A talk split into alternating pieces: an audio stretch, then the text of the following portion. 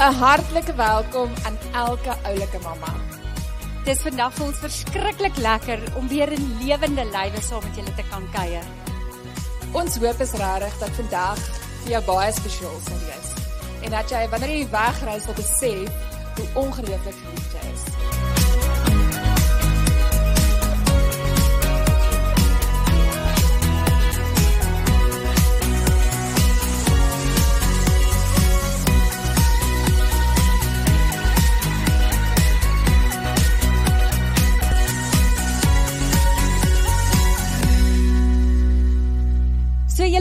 Mammas um, en pappas met kinders in verskillende ouderdomsgroepe. Van pasgebore, laerskool, hier's mammas wat kinders hierdie jaar eerste um skool toe gestuur het, lekker daai stres. Hier's mammas wat vir die eerste keer begin eksamens skryf het, graad 4, lekker, welkom, nê? Nee? En um daai wat nie taakies moet doen, matrieks, um graad 11, o, oh, Dan sal mamma se kinders vir die eerste keer universiteit toe gestuur het ver weg oor see. Ja, ons is in verskillende fases van ons lewe. En ehm um, julle het seker agtergekom, ons het geen handleiding gekry met hierdie ouerskapsreis nie. Dis nie maklik nie. Ons sukkel. Maar gelukkig het ons mense ons om ons te kan help op hierdie reis. So, ons is vandag baie bevoorreg om vir Lizaan Du Plessis by ons hier te kan hê al die pad van die mooiste Kaap.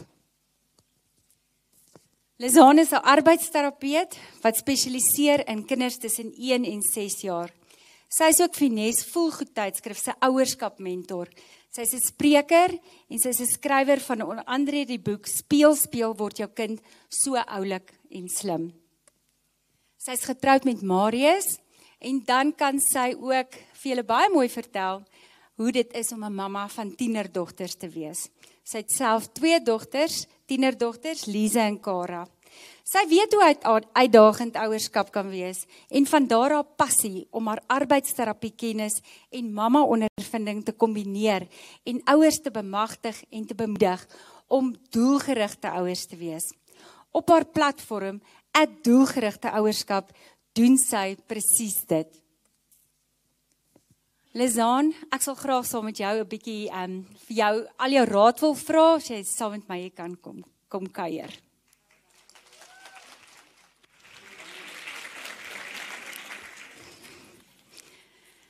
Goed, Lizaan, ehm um, ek is seker jy het soos al die mammas hierso ook al baie hoogte en laagtepunte gehad as 'n mamma.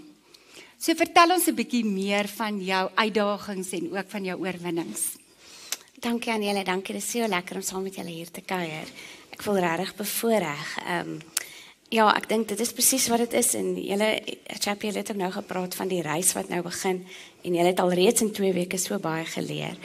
Ehm um, en ek dink dit wat navorsing vir ons sê is belangrik sodat ons moet onthou daai onthou oomblikke daai oomblik waar ons nou is dat ons dit moet geniet. Ehm yes. um, maar dit is nie altyd so maklik nie, maar wat navorsing vir ons sê en ek dink dit is waarby ek wil aansluit is dat saam met ouerskap kom daar geen waarborge nie aan die een kant en aan die ander kant daar is nie iets soos perfekte ouerskap nie. There's no toch. such thing that perfect parenting.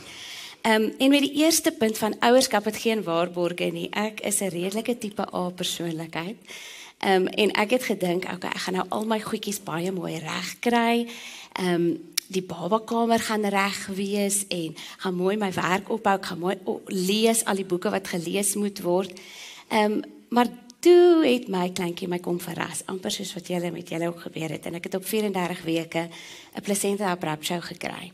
Maar is die Here nie so genadig nie? Die beste plek waar ek dink ek dit kon kry was by die antenatal klas toe ek besig was om oor borsvoeding te leer. En as dit nie was vir die vir ehm um, my mentor daardie tyd toe ek na toe gaan en vir sê kyk hoe lyk ek. So in steede van 'n nat broekie was dit ongelukkige broek vol bloed. Vir sê maar ehm um, wat gaan die aan en ek die stres in haar oë sien nie. Toe ek besef maar hierdie is 'n ernstige ding. Um, en weer eens het die Here ingestap en my man was besig by die huis om nadat ons die matte gewas het want jy weet ons gaan nou alles reg doen, die meubels in te dra en ons pulmonoloog bel was saam met hom daar. So hy kon bel, hy kon sê ons moet so vinnig as moontlik by die hospitaal kom. So op 34 weke het ek 'n 1.8 kg babatjie gehad. 5 dae later is ons ontslaan. Ehm um, en toe het daai ouerskapreis ernstig begin. Ek het al gekangaroo keer en dit was wonderlik, maar elke 2 ure moes ons voed. So dit was weer eens daai ding van maak nie saak hoeveel ons doen en hoe ons dit reg probeer doen nie. En ehm um, hoe ons dit perfek probeer doen nie. Dit werk nie altyd so uit nie. Ehm um, toe sy 13 maande was as ons Holland toe ehm um, O, en wat ek vergeet het om te sê is sy's ook nie net so maklik in die wêreld gebring nie. Ek het vir 2 jaar gesukkel met infertiliteit. So daai infertiliteit um, baadjie is ook een wat diep in my hart is en, en in Holland het die dokter vir my gesê there's no way that you'll ever fall pregnant. Maar ons almal weet ons aanbid 'n almagtige God en dit was heerlik toe hy my bel met die uitslaa dat ek te vir hom kon sê maar ek is swanger. Daai dag sal ek nooit vergeet nie want hy het reg vir my gesê no, no that can't be true. You can't fall. I'm going to this can't be true you you know your your your test shows me that you won't be able to fall pregnant. Was heerlik om te sê wel jy ken nie my God nie. Ehm um, ja, en sy skare gebore in Holland en ek het regtig in daai tyd met my man ge baie baie gereis het. Ehm um, agtergekom hoe dit is om ehm um, to to parents in the trenches. Ehm um, en ons is toe daarna ehm um, Engeland toe en toe die die ander lokval ehm um, jy weet in ingetree dink ek soveel te meer toe ons toe ek alleen in in Engeland was. Daai ene van there's no such thing as perfect parenting. Want Facebook het net begin in daai jare. Ehm um, en ek het so terug verlang Suid-Afrika toe en dit was erg om te dink daar's 'n vriendin wat 'n huishulp het wat haar was goed doen, daar's 'n vriendin wat 'n huishulp het wat haar kinders kyk, daar's iemand in die tuin. Ehm um, daar's 'n ouma wat kos kan aandra. En mens val so maklik in daai lokval van maar hoe, hoe kry ander mense hoekom is dit nie met my nie en hoekom kry ek dit reg nie en ek dink wat ons weer eens vandag vir onsself net elke keer moet sê is daai prentjie daai pragtige prentjie wat jy op Instagram en Facebook sien dit is nie die regte prentjie nie. Mm. En ek wil vir mammas aanmoedig om ook ook daardie minder perfekte prentjies te deel. Ehm um, Brené Brown vertel dit so mooi en sy sê van dit is wanneer ons vulnerable is. Ehm um, en dit is presies wat jy gesê het, Chappie, wanneer ons daai deur oop los sodat dit alles perfek hoef te wees nie, wat die magic gebeur. Ehm um, en ek dink dit is dit is definitief een van die twee belangrikste goed ehm um, wat ouerskap vir my geleer het en van daar af het ek toe besluit dat ek gaan nie streef daarna om 'n perfekte ouer te wees nie, maar 'n doelgerigte ouer. En saam met daardie doelgerigte ouerskap beteken dit dat ek gaan my kant doen en ek gaan probeer om dinge te doen so goed soos wat ek kan, maar ek gaan plek laat vir daai dag if things get messy. En dan gaan ek opstaan, myself afstof. Ek gaan hulp vra as ek hulp nodig het. Ehm um, en ek gaan seker maak dat ek my kinders goed ken en daardie koneksie met hulle te hulle probeer hou en erken as ek foute maak. So van daar het my doelgerigte ouerskap ehm um, vereis begin. Ek moet myself nog elke dag seker maak ek val nie in daai vergelykingslok val nie.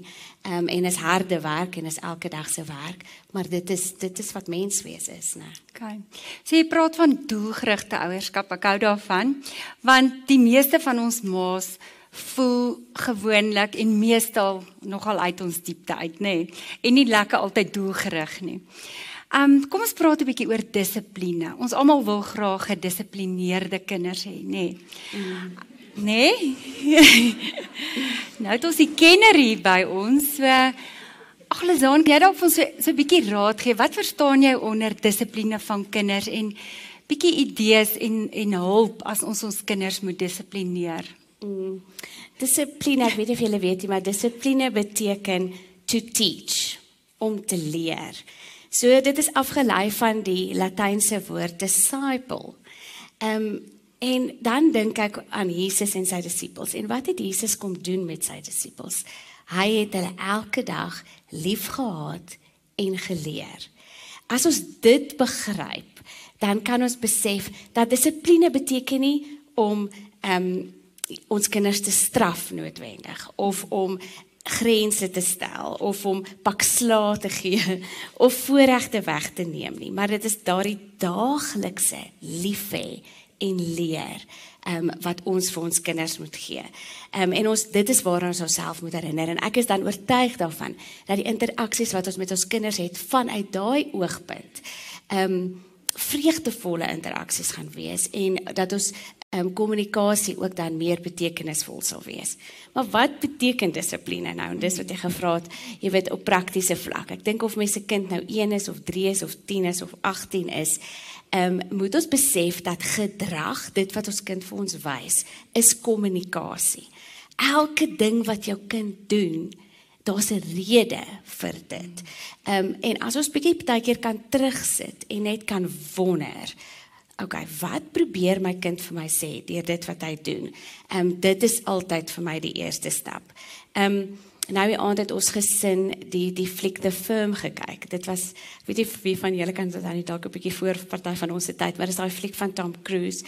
Ehm um, een van sy eerste flieks dink ek. En daar was so 'n spanningsvolle oomblik wat hy die hele idee gehad het, plan gehad het van wat hoe hy ek wil nie nou die fliek spoil nie, hoe hy nou hierdie ding gaan uitvoer, maar toe was daar natuurlik nou 'n hindernis, 'n obstacle. En die mense wat agter die scenes was vir sy vrou wat geweet het ehm um, wat hy gaan doen, wou so graag vir hom laat weet het, maar dit gaan nie uitwerk soos jy gedink het dit gaan uitwerk nie. En al wat ek dink is maar hallo, Maar daar was die selfone in daai tyd. So toe moet hulle nou weer 'n ander plan orkestreer en iets anders uitvoer sodat sy plan kan uitwerk. En ek het toe net weer besef die die hoe ek kan nie my lewe sonder my selfoon uitdink nie. Ag, ehm um, jy weet dink dat daar so 'n ja. lewe kan wees en dit is so deel van ons kommunikasie. Maar wat is 'n selfoon en wat jy het byvoorbeeld 'n iPhone of 'n Samsung of 'n Huawei, ek weet nooit om daai woord te spreek nie. Dis ons almal het selfone, ehm um, maar ons fone lyk verskillend. En selfs al het jy 'n Apple en ek het 'n Apple, is ek kan ek jou beloof dat jou homescreen anders sal lyk as my homescreen. Hmm. Net so is dit met ons kinders. Hmm. Selfs al het ons 'n tweeling wat dieselfde ma en pa het en in dieselfde huis groot word, is hulle verskillend. Oh. So ons as ouers moet terugsit. Ons moet kyk wat ons kinders doen en wat is hulle unieke temperamente. Want elke kind en dissipline werk ook nie soos 'n koekiedrukker dat ons maar net dit wat ons in die boek lees en dit wat ons met ons oudste ja. kind gedoen het, met ons jongste kind behoort te doen nie. Ehm um, die van julle wat my werk ken, weet ek praat van een van die redes en een van die ehm um, maniere wat ons kinders kommunikeer is deur middel van hulle sensoriese temperamente. Met ander woorde, dit wat hulle deur hulle eie liggame en deur die wêreld ervaar en dit word geprosesseer. Ehm um, en so ehm um, het hulle ook verskillende drempels vir die sensoriese ehm um, insette. Die eerste een is 'n kind wat 'n lae drempel het en dit is ons krimpvarkie kinders.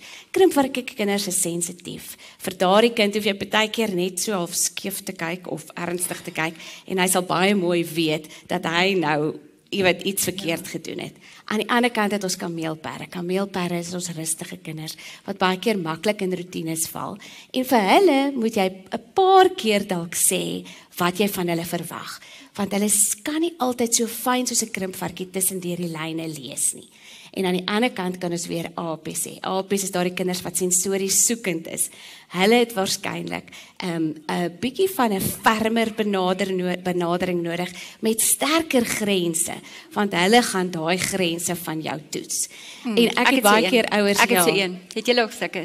Ja. ja. ja. En ek het baie keer ouers wat my sê, "Maar wat daarvan as ek die hele zoo of die hele dieretuin in my huis het?"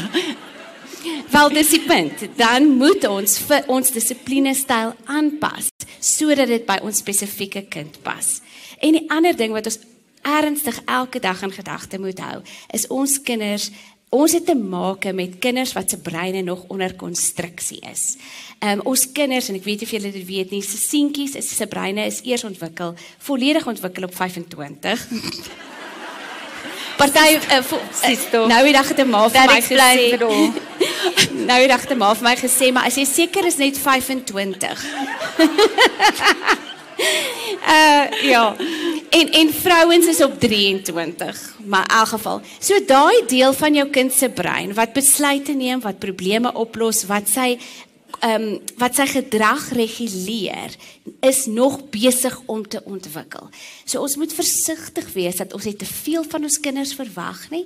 Ehm um, en dat ons moet onsself herinner dat ons is nog daardie container. Ons is nog daardie amper daai selfoon charger wat oor en oor daai selfoon gaan moet charge. Ons selfoon raak pap en dit het nodig om gecharge te word. En ons gaan daai charger moet wees, daai container vir wanneer ons kinders oorweldig word met groot emosies en dit dan uitkom in gedrag. So maar net 'n paar goed oor dissipline. Ek hou ek hou daarvan dat jy sê ons moet onthou dat dissipline ehm um, is dat ons daagliks op 'n liefdevolle wyse vir hulle dit moet leer want ehm um, okay, ek is skuldig. Dit is nie altyd liefdevol in my huis nie, right? Ehm um, een ding ehm um, Lizaan wat ek glo ons kinders moet leer is dankbaarheid. Okay. Is ek reg as ek sê dat dankbaarheid iets is wat ons wat ons hulle moet leer of sou jy sê dis iets wat van self moet gebeur?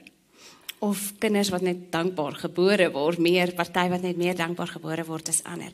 Ehm um, dis so 'n pragtige vraag en ehm um, ek dink dis een van die ehm um, belangrike goed wat ons as ouers vir ons kinders moet leer.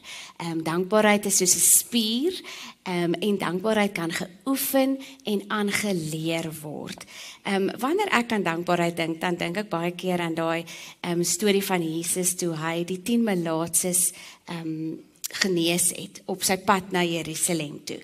Ehm um, en jy weet ons kan onthou wat gebeur het net een van daai melaatse mans het teruggekom het omgedraai en hulle sê in Lukas 17 ehm um, hy het omgedraai en ehm um, vir Jesus en vir God gedank. Ehm um, hierdie man was 'n Samaritaan en toe sê Jesus was daar nie 10 wat gesond gemaak is nie waar is die ander 9 dan? is daar niemand anders wat omgedraai het om vir God die eer te gee behalwe hierdie man wat nie eers 'n Jood is nie. En vir hom het hy toe gesê: "Staan op en gaan huis toe. Jou geloof het jou gered." So wat interessant is vir my van hierdie storie is die ander 9 wat nie dankie gesê het nie, was nie ontneem van die genesing nie. Hulle was nog steeds gesond gemaak, maar daai een wat omgedraai het, het sy voete en hulle sê in 'n ander een het eh, 'n ander vertaling, hy het val op die grond en sy gesig met sy gesig voor Jesus en hy het waarskynlik opgekyk en in Jesus se gesig gekyk. So dis daai intimiteit met Jesus wat daardie 10de man gehad het toe hy dankie gesê het. En is dit nie wat ons vir ons kinders wil hê nie? En is dit nie wat ons ook wil hê? Daai intimiteit, met ander woorde Jesus sê amper dat wanneer ons dankie sê, dan sal ons daai intimiteit met God hê en beleef. Ehm um, maar soos ek nou gesê het, dankbaarheid is 'n gewoonte. My dankbaarheidsjourney het ook begin vir al daai tyd toe ons in Engeland was en ek het ehm um, te maak gekry met Anne Voskamp um, wat sy so pragtig skryf. En ek het daardie idee gebruik van om 'n dankbaarheidsjoernaal te begin. My kleintjie, my my karakind wat nou 13 is, is 'n krimpvarkie. En krimpvarkies wat sensitiewe kinders is, is geneig om die wêreld nogal ernstig op te vat.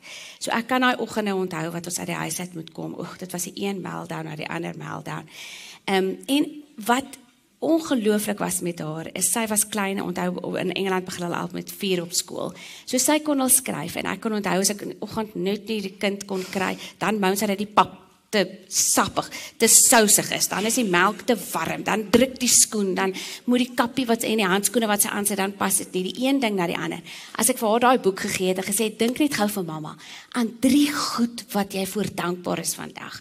Waarvoor is jy bly vir vandag? En sy kon begin skryf het. Dit was pragtig om te sien. En is asof daai meltdowns van haar net gelig het. Die hele gemoed in die huis het gelig. Ehm um, en ek het ook gevind dat as ons daai dankbaarheidsjoernaal neersit waar ons hom sien dat dit so 'n gewoonte dan kan raak. Sit jou net gou weer bietjie weg en onder die resepteboek en ehm um, dan vergeet ons om daai dankbaarheid dankbaarheid goed te doen.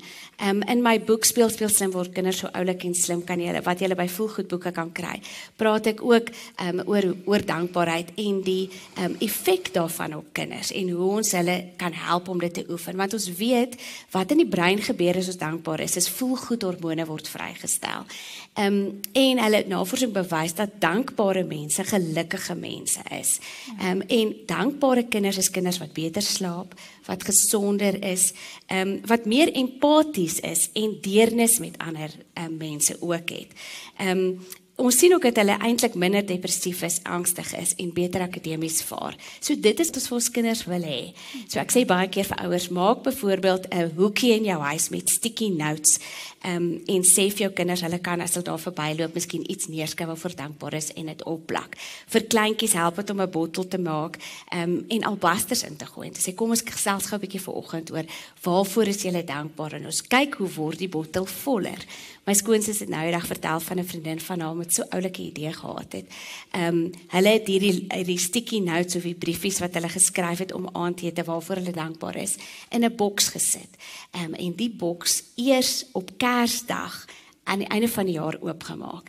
En dis amper soos 'n memory box wat mense oopmaak want jy dink aan die jaar en dink, "O ja, onthou julle toe dit gebeur het? Oh, ons was dankbaar vir dit. Onthou julle toe dit gebeur het? Ons was dankbaar vir dit."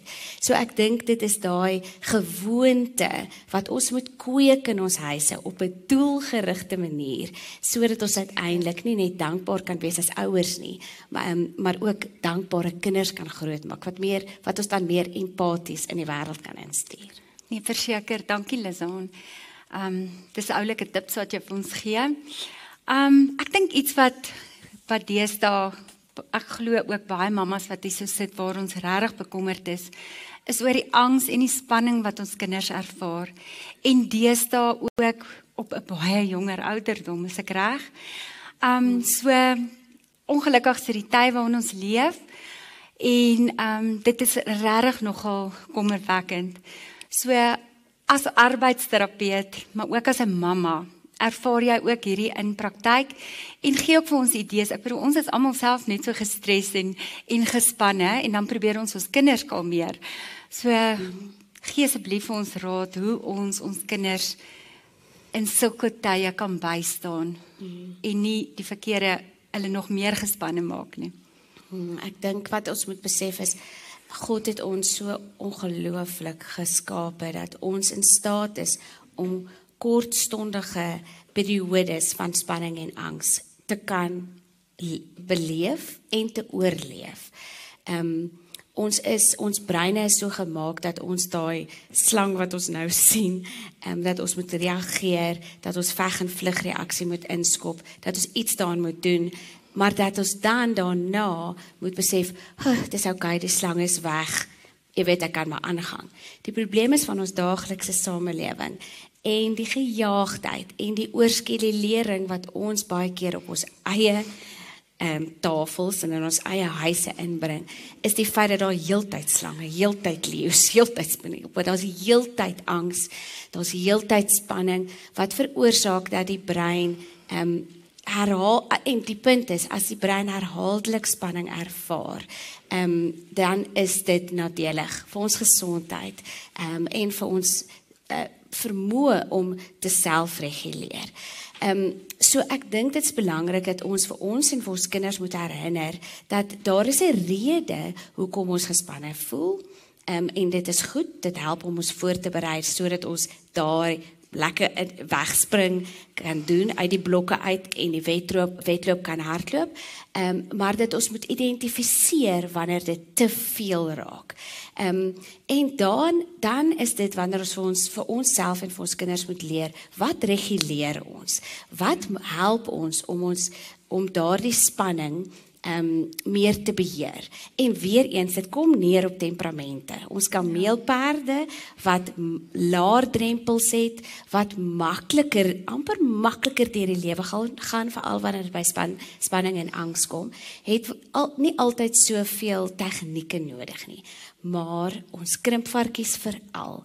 Um ons krimpvarkies wat so sensitief bedraad is en ons as ouers wat ook krimpvarkies is, um, het nodig om baie doelgerig te wees oor hoe ons ons lewens ehm um, skeduleer en wat ons in plek sit om onsself te kalmeer en om dinge rustiger te maak. En as dit beteken dat jy mooi na jou dagboek kyk en op 'n ehm um, 'n assertive wat noem ons dit nou weer 'n self wat is assertive in Engels?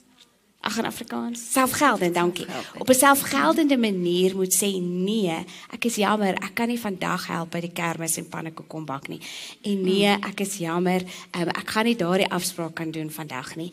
Um, dan is dit baie belangrik dat ons ons lewens so moet skeduleer dat daar genoeg tyd vir ons is vir koneksie um, en om rustig te wees. As ons ook kyk na die brein wat gebeur wanneer ons um, in angs en spanning ervaar is daardie primitiewe deel van die brein het 'n amandelvormige struktuur, die amygdala, en hy word ehm um, geprikkel, gestimuleer wanneer angs en spanning is. So wat ons weet wat daai deel van die brein nodig het om die angs en spanning te verlaag, is om veilig en seker te voel. So wat laat ons en ons kinders veilig en seker voel wanneer dinge meer konsekwent en voorspelbaar is. Daarom is oggendroetines en aandroetines wat voorspelbaar is, goeie tegnieke om vir ons kinders te leer of te help om spanning en angs te hanteer. En wanneer ons weet dinge gaan verander om hulle voor te berei op dit wat kom.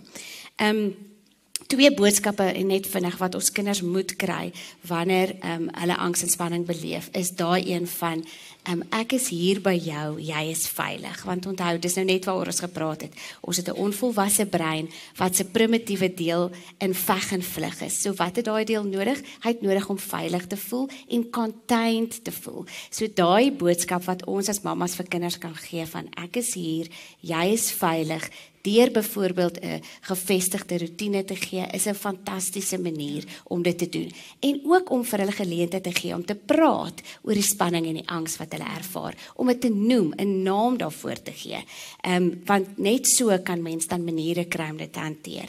Ehm um, en 'n ander tegniek wat ek baie gebruik met my krimpvarkie kind is om vir haar te sê vertel my meer en nie aan te neem dat dit wat ek sien sy doen of dit wat ek dink hoe sy angs en spanning ervaar dat dit die waarheid is nie. Maar om met haar oogpunt te sien vertel my meer. Mamma kan sien jy's bietjie gespanne. Hoe laat die spanning jou lyf hoe laat dit hoe voel dit in jou lyfie? Ehm um, En wat wat voel jy en wat is daar wat ek vir jou kan doen om jou te help? So dis daai daai um curiosity, daai bevraagtekening wat baie keer vir kinders die um die amper die tools in hulle hande gee om ook daai spanning self te hanteer. Ja. Maar ja, dit is so Anelia. Ek dink um wat ek hierdie jaar gesien het in my praktyk is is ongelooflik. Die spanning en die angs in die wêreld is baie hoog. Ehm um, so ek dink ons moet dit erken. Ehm um, en ons moet dit vir mekaar op die naam noem sodat ons mekaar kan ondersteun daardeur. Ehm um, want it's real. Dit is definitief die een van die ehm um, gevegte wat ons veg in die tye waarin ons nou leef. Ja, ons is. Dankie Lizaan. Ehm um, ag jy gee vir ons so baie om oor na te dink en te gaan toepas by ons huise. Ek het nog net 'n laaste vragie vir jou. Ek het hierdie week met 'n baie moedelose Pinkfoot pret mamma te doen gehad. Sy's regtig raadop en ek weet nie of een van julle um julle met haar kan vereenselwig nie. Maar sy sê vir my haar kinders beklei non-stop. Ken julle dit?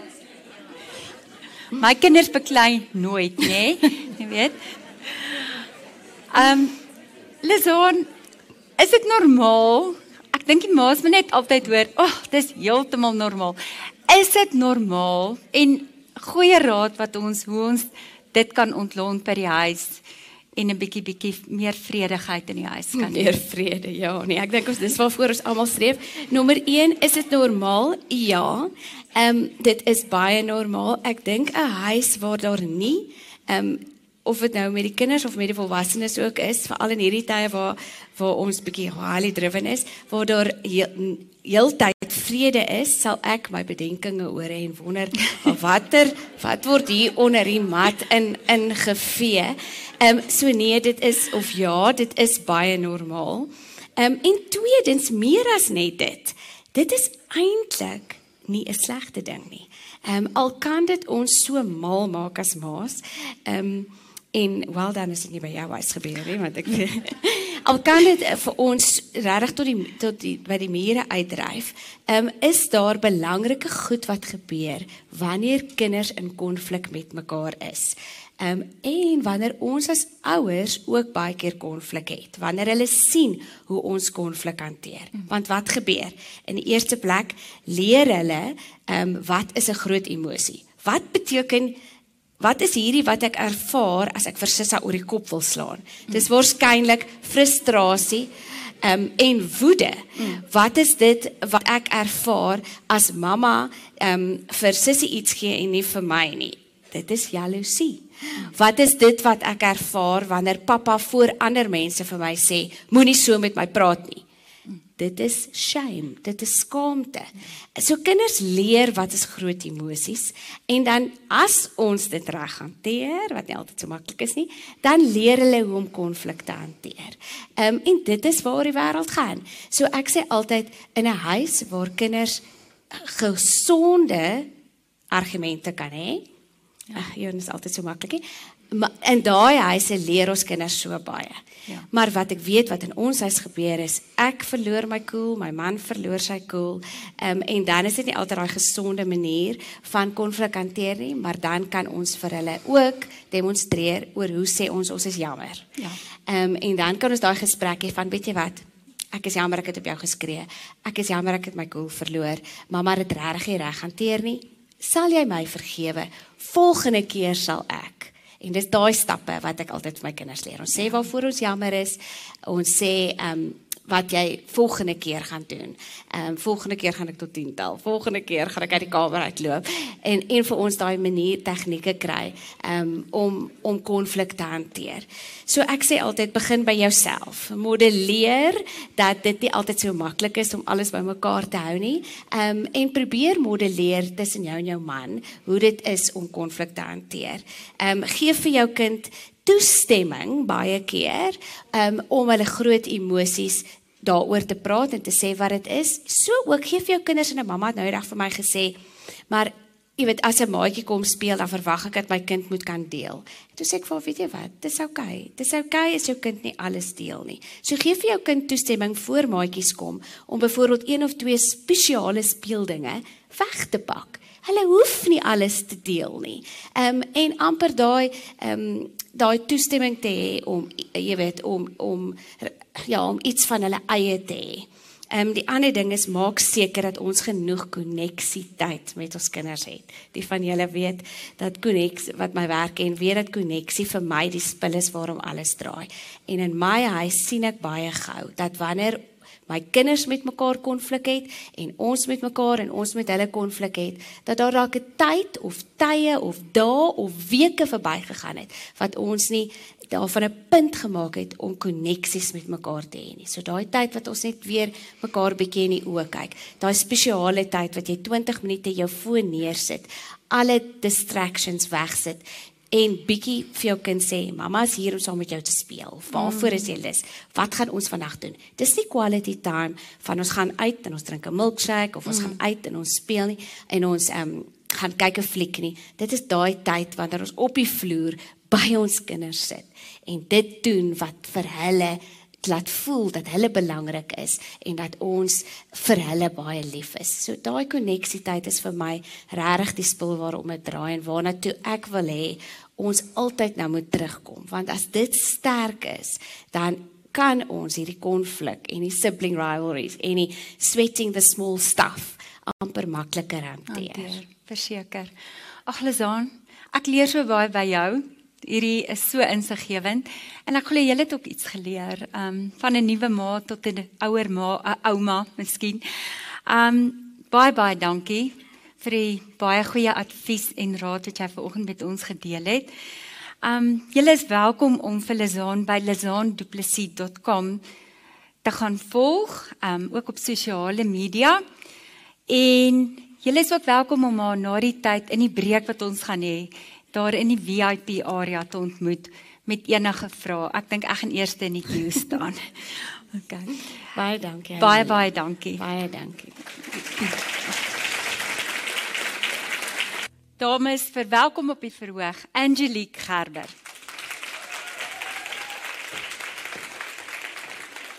Jy reg? Baie dankie julle.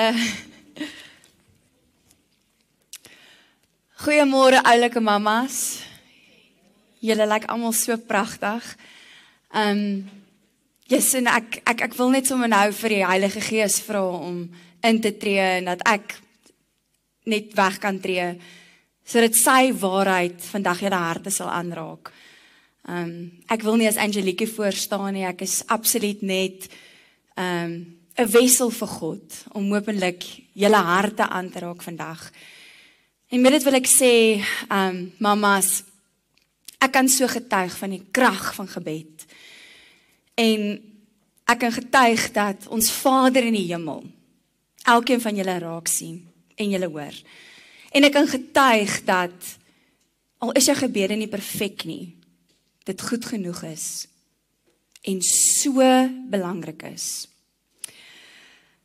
Dalk is jy nou op so 'n plek in jou lewe waar ek al baie was, waar dit vir jou voel jy bid maar dit voel asof dit net teen die dak vasgaan. God hoor jou nie. Waar is jy, Here? Jy wag dalk vir jou deurbraak. Jy sê alleen nie. Ek het al so baie so gevoel en ek is tans besig om deur so iets te gaan. Ek vertrou die Here vir 3 jaar net vir my deurbraak. En ek was al kwaad. Ek het al vir die Here gesê ek gaan nie meer bid nie. Want of ek nou bid en of ek nou nie bid nie, die situasie bly dieselfde. En my gebed vir vir julle as ek nou hier klaar is en dat regtig dat die Heilige Gees julle harte net weer sal aanraak en daai vuur binne in jou sal wakker maak om wel weer vir God te vertrou. En wel weer goed genoeg te voel en te weet dat God gaan vir jou daai deurbraak bring. As ek so terugkyk na my na my lewe en die kere wat ek gevoel het soos wat ek tans voel, weet ek dat ek weet dat God nog elke keer vir my deurgekom het. Op die regte tyd. Op sy perfekte timing. En ehm um, ek is nou vir 4 jaar lank 'n mamma, 4 en 'n bietjie. En ehm um, soos julle gehoor het, ek my seentjie en my dogtertjies wat 3 is en ek het met 'n groot skok besef ek is nie perfek as 'n mamma nie. Jesus, dit was 'n bitterpil vir my om te sluk, hoor. As nou een ding is wat ek gedink het is dat ek 'n flippin oulike mamma gaan wees, nie foute gemaak nie. Ooh, maar ek was al moeg, ek was al frustreerd, ek was al geïrriteerd, ek het al titi bottels teen 'n muur gegooi. Dan lê ek daar en dan kyk ek so vir hierdie pragtige gesiggies wat so so soet. Lê en slaap. Dan dink ek, Ek voel soos 'n hond. Here, waarmee is ek besig? Help. Ek is perfek. Maar prys die Here God is. En dit is in daai oomblikke waar jy genadig moet wees met jouself en moet besef net omdat jy die titel mamma gekry het beteken nie jy is nou perfek nie. Hing jy sog steeds 'n mens wat ook moeg is en emosies het en deur dinge gaan en storms gaan in die lewe en klaar blyklik as 'n mamma nie voel asof enige iemand waardeer wat jy doen nie. Is ek reg? Kom ons net nog en nog en nog op hierdie mamma se se bordjie laai en sy sal dit doen. Ek weet die tienerjare lê ook nog vir my voor. Wie ek weet, is seker 'n paar mammas wat uh, tieners het. En daar's 'n paar uitdagings wat vir my voor lê, maar As daar een ding is wat ek werklik geleer het in hierdie 4 jaar van mamma wees is enige geveg en storm. Maak nie saak hoe groot of klein nie. Al lyk dit of dit nooit gewen kan word nie, kan net gewen word op my knieë. Op my knieë is waar ek die storms aanvat en veg as mamma. En kyk, daar's baie redes hoekom ons as mammas nie goed genoeg voel nie miljoene ontelbare redes. So ek gaan vandag probeer om net op twee te fokus. En die eerste een is die dief van alle vreugde. Vergelyk. Om jouself te vergelyk met 'n ander mamma of vrou. Nommer 2, hoe jy met jouself praat. Wat jy van jouself dink. Ek dink nie is een vrou wat vandag hier sit wat nog nie haarself vergelyk het met 'n ander vrou of mamma nie. Ek weet dat ek weet dat dit al my vreugde steel as ek myself vang my vergelyk met 'n ander mamma, maar heng as ek weer kan kry dan doen ek dit. So dit is regtig 'n daaglikse ding wat ek in my kop moet herinner. Ek is Angelique, doen die beste wat ek kan en ek is goed genoeg. God het my uitget kies om 'n mamma te wees vir my drie kindertjies. Net soos wat hy elkeen van julle uitgekies het. Jy is goed genoeg om die mamma van jou kinders te wees en kan ek vir julle die goeie nuus vertel? Jou kinders worry nie oor daai mamma wat jy dink nou mooi en maar en ryk en oulik en slim is nie. Hulle doen nie. Dis vir jou wat hulle wil hê. Mamma, Jy is die een wat jou kind na smag, jou tyd. Jou oomblikke wat jy op daai mat sit en met jou kind speel. Daai koffiedייט wat jy vir jou tienerdogter of seun sê, kom kom hê 'n koffiedייט met mamma. Mamma kan cool wees. Kyk. Mamma kan verstaan. Dis in daai oomblikke wat jy as mamma goed genoeg is en jy moet dit besef vandag. Jy is uitgekies deur ons Vader in die hemel om 'n mamma te wees vir jou kinders. Jy's die een wat 10 keer daai aand nou opgestaan het om jou kind te troos of daai dummy terug te sit in die mond. Of die tantrums nou maar in die middel van spar op te vreet. Kom liefie, is okay. Mamma gaan môre vir jou die sweetie koop. Okay. Jy is goed genoeg. Daai kind soek net vir jou. Al druk daai tiener jou weg. Eintlik smag hulle net na jou. Jy's goed genoeg. En met dit wil ek vir jou vra Oulike mamma, hoe praat jy met jouself? Wat is daai inner conversation wat jy met jouself het elke dag? Jy weet as as jy nie lief is vir jouself nie. Hoe kan jy ooit dink iemand anders moet vir jou lief wees? As jy nie mooi met jouself kan praat nie. Hoe kan jy dink iemand anders moet mooi met jou praat? En ek wil hierdie hierdie wil ek as 'n uitdaging vir jou gee vandag. Toets my op hierdie. Begin bietjie mooi met jouself te praat. Wees bietjie dankbaar teenoor jouself vir dit wat jy wel vandag reg gekry het. Wees lief vir jouself en jy gaan sien, toets my op hierdie. Mense gaan jou anders begin hanteer. En anders na jou begin kyk. Dit is daai confidence wat Demi Lee te bou van praat. Be strong, ek sê confident of godfident and courageous for the Lord your God is with you. Praat mooi met jouself. Daai vrou wat jy nou opkyk, wat jy soveel komplimente voor kan gee. Ek wil jou uitdaag om nog mooier met jouself te praat as wat jy met daai vriendin of vrou nou weer opkyk praat. Maak dit 'n daaglikse besluit in die oggend as jy opstaan. Ek vang nog steeds myself luister, ek vang nog steeds myself lelik met my praat of ongeduldig met myself raak. En dan sê ek dadelik, nee. Ek is 'n kind van God van die Allerhoogste wat gedink het ek is goed genoeg om op hierdie aarde te wees en goed genoeg om die mamma van my drie kindertjies te wees. Hoe durf ek so lelik met myself praat? Hoe durf ek? Jy's goed genoeg om mooi met jouself te praat asseblief mammas. Ek challenge jou op hierdie. Um as ek net 'n voorbeeld kan gebruik van myself op die backpack. Jesus julle, Ek dink dit is 'n oggend wat ek betyds is vir skool met my kinders nie. Jy weet, nou sit ek met my man wat nog in Bloemfontein sit by die cheetahs, ek's alleen.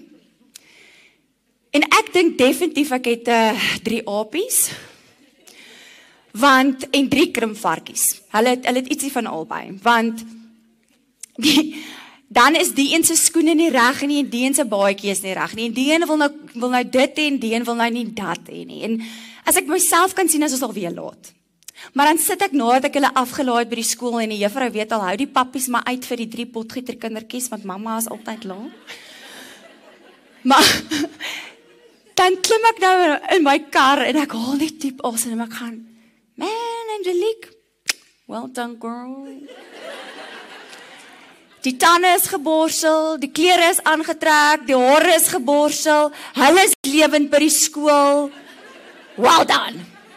Attitude of gratitude.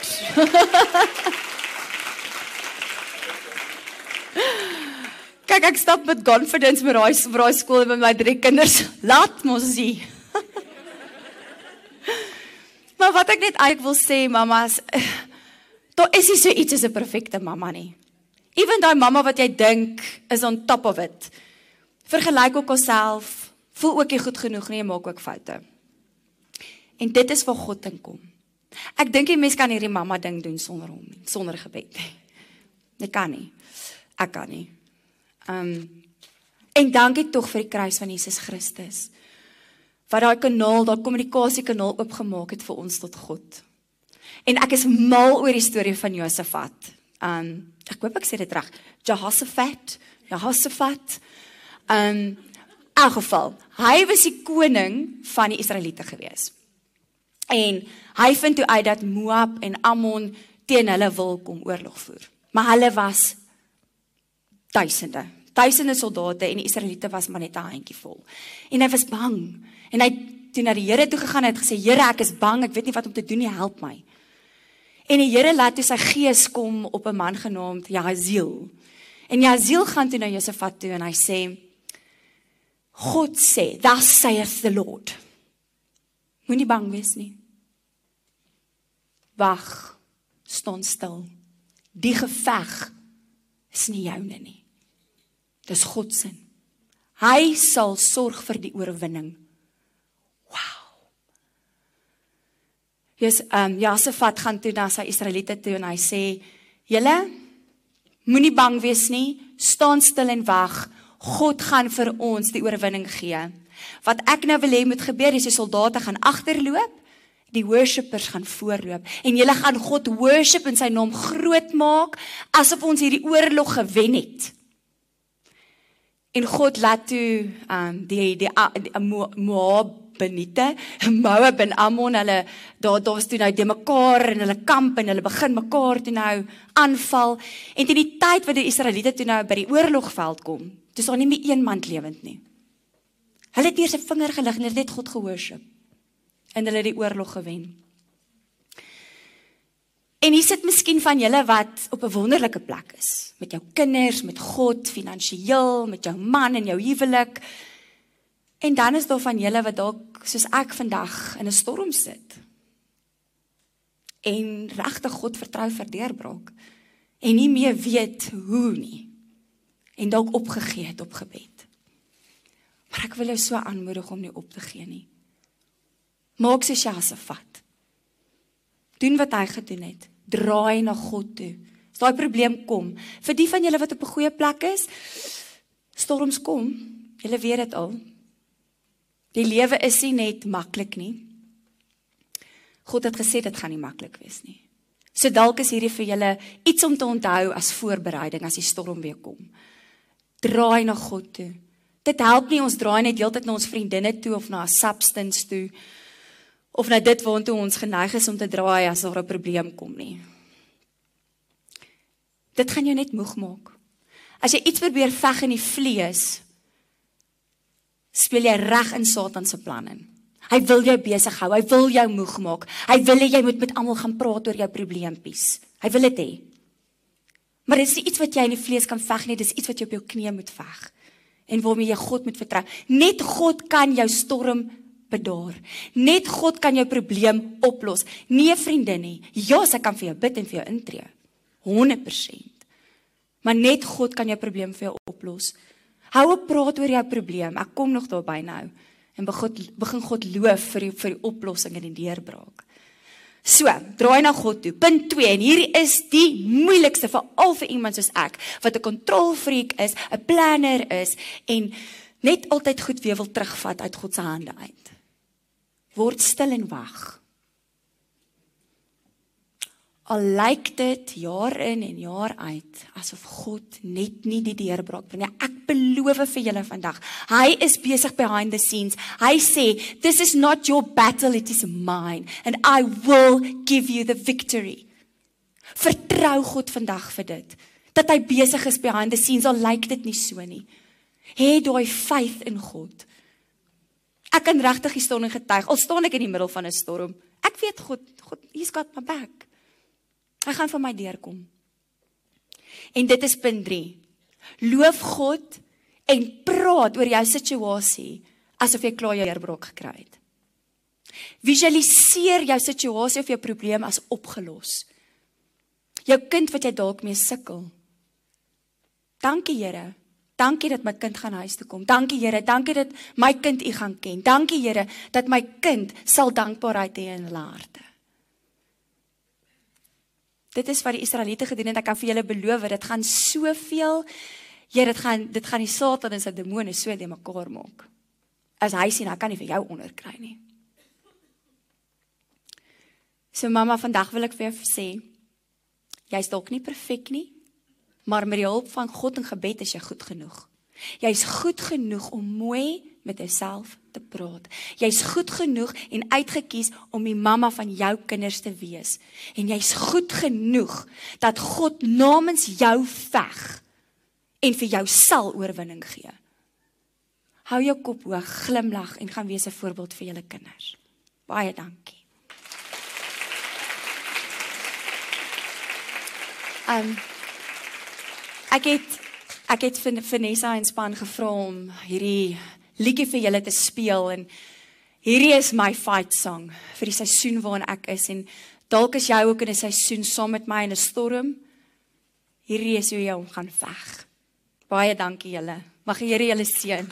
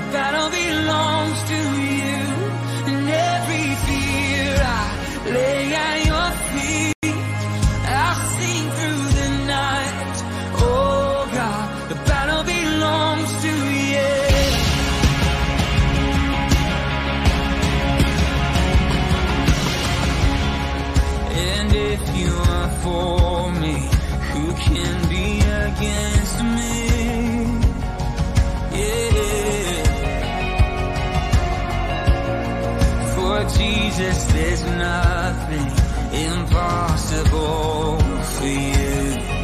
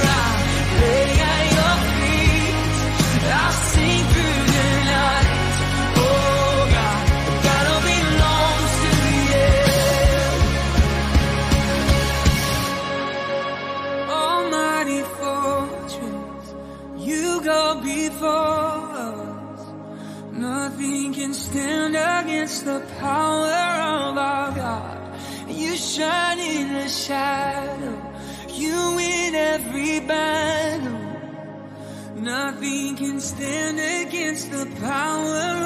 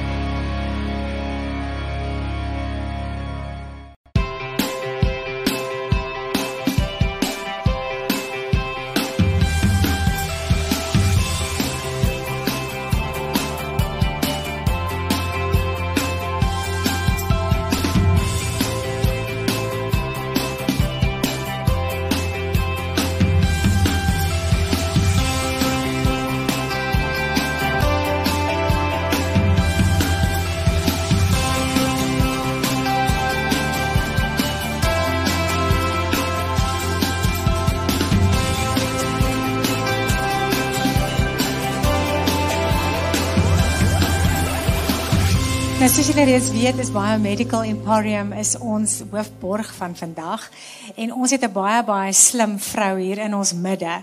Nou ek het gister in die in die uh, motor op pad Pretoria toe het ek net probeer om haar CV te memoriseer. En Chantay het vir my allerlei maniere gegee hoe ek dit gaan onthou, maar toe dink ek ek gaan dit maar neerskryf en vir julle lees, want dit is bitter moeilik om al hierdie vrou se kwalifikasies te onthou en te weet. So um, baie baie dankie eerstens aan Biomedical Emporium dat julle betrokke is. Ek is verskriklik opgewonde om te hoor wat jy vir ons alles wil sê, Judy. Maar dit is natuurlik Dr. Judy Pretorius en sy is 'n baie bekwame biomediese wetenskaplike. Sy het verskriklik baie ervaring in ehm um, die in die dissipline van wondgenesing en selvernuwing. Ek moes hierdie goed nou nog vertaal het ook. Julle moet nou weet, dit is nou ook nog 'n uitdaging, nê. So wondgenesing en selvernuwing is eintlik haar spesialisveld. En ehm um, sy het haar meestersgraad gedoen in genetika Nou as jy verstaan van DNA en RNA, genetika is 'n moeilike veld. So in genetika en in molekulêre biologie. En daarna het sy haar PhD, dit is nou haar doktorsgraad gedoen in farmaseutiese chemie. Julle Ek het chemie gehad. Nee, gehad. ja. Ehm um, so dit is ook hoekom sy natuurlik die medies medesig stigter en die produkontwikkelingsspesialis is by My Biomedical Emporium waar sy verantwoordelik is vir die wetenskaplike en die biomediese formulering van terapeutiese produkte. So hier is nie net produkte wat jy aansit om mooi te lyk nie, dis produkte wat jou vel verander. Sy doen ook aanbiedinge. Sy gee natuurlik klas as jy so slim is en jy's 'n dokter moet jy klas gee. So dit is in histologie, dit is die wetenskap van selle, is ek reg? Ja, in histologie, biochemie, daai een het ek ook deurgeskuur op universiteit, biochemie, kosmetiese chemie en weefselingenieurswese. Kan julle dit glo? Weefselingenieurswese, julle is 'n slim vrou hierdie, maar Nou is dit die cherry op die koek. Sy is ook 'n ma van 'n tweeling en hulle is nou 9 maande oud. So, ek het gedink sy gaan hulle saambring vandag, maar sy het nou ongelukkig nie want die enetjie voel nie lekker nie. Maar verwelkom asseblief vir Dr. Judy hier op die verhoog van Biomedical Emporium.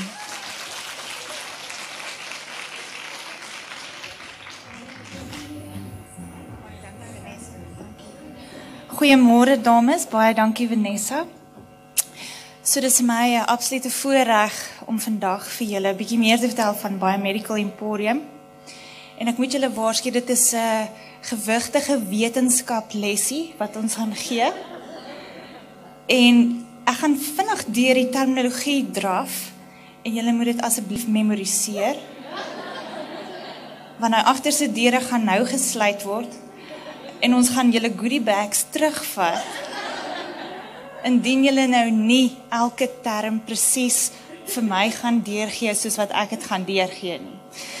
So presies soos wat Anessa genoem het, ek is Dr. Judy van Biomedical Emporium. Ek is die hoofformuleerder van die maatskappy, doen die navorsing van die maatskappy en so in ons laboratorium hier in Pretoria maak ons nie net die produkte nie, ons formuleer nie net die produkte en vervaardig dit daar nie. Dis 'n geakkrediteerde laboratorium waar ons ook vel kweek.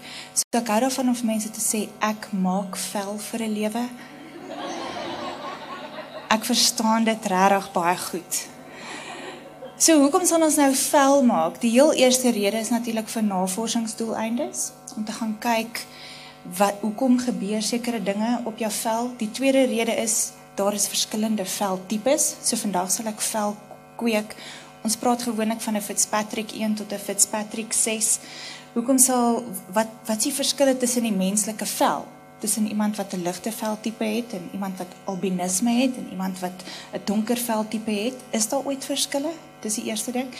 En dan die tweede ding is ons gaan kyk na metabooliese karakteristikke ensovoorts.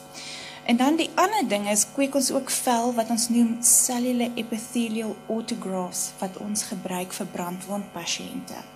So julle sal vind baie keer as daar 'n brandwondpasiënt is, dan maak ons hierdie matrikse wat dan as veloorplantings kan gebruik word.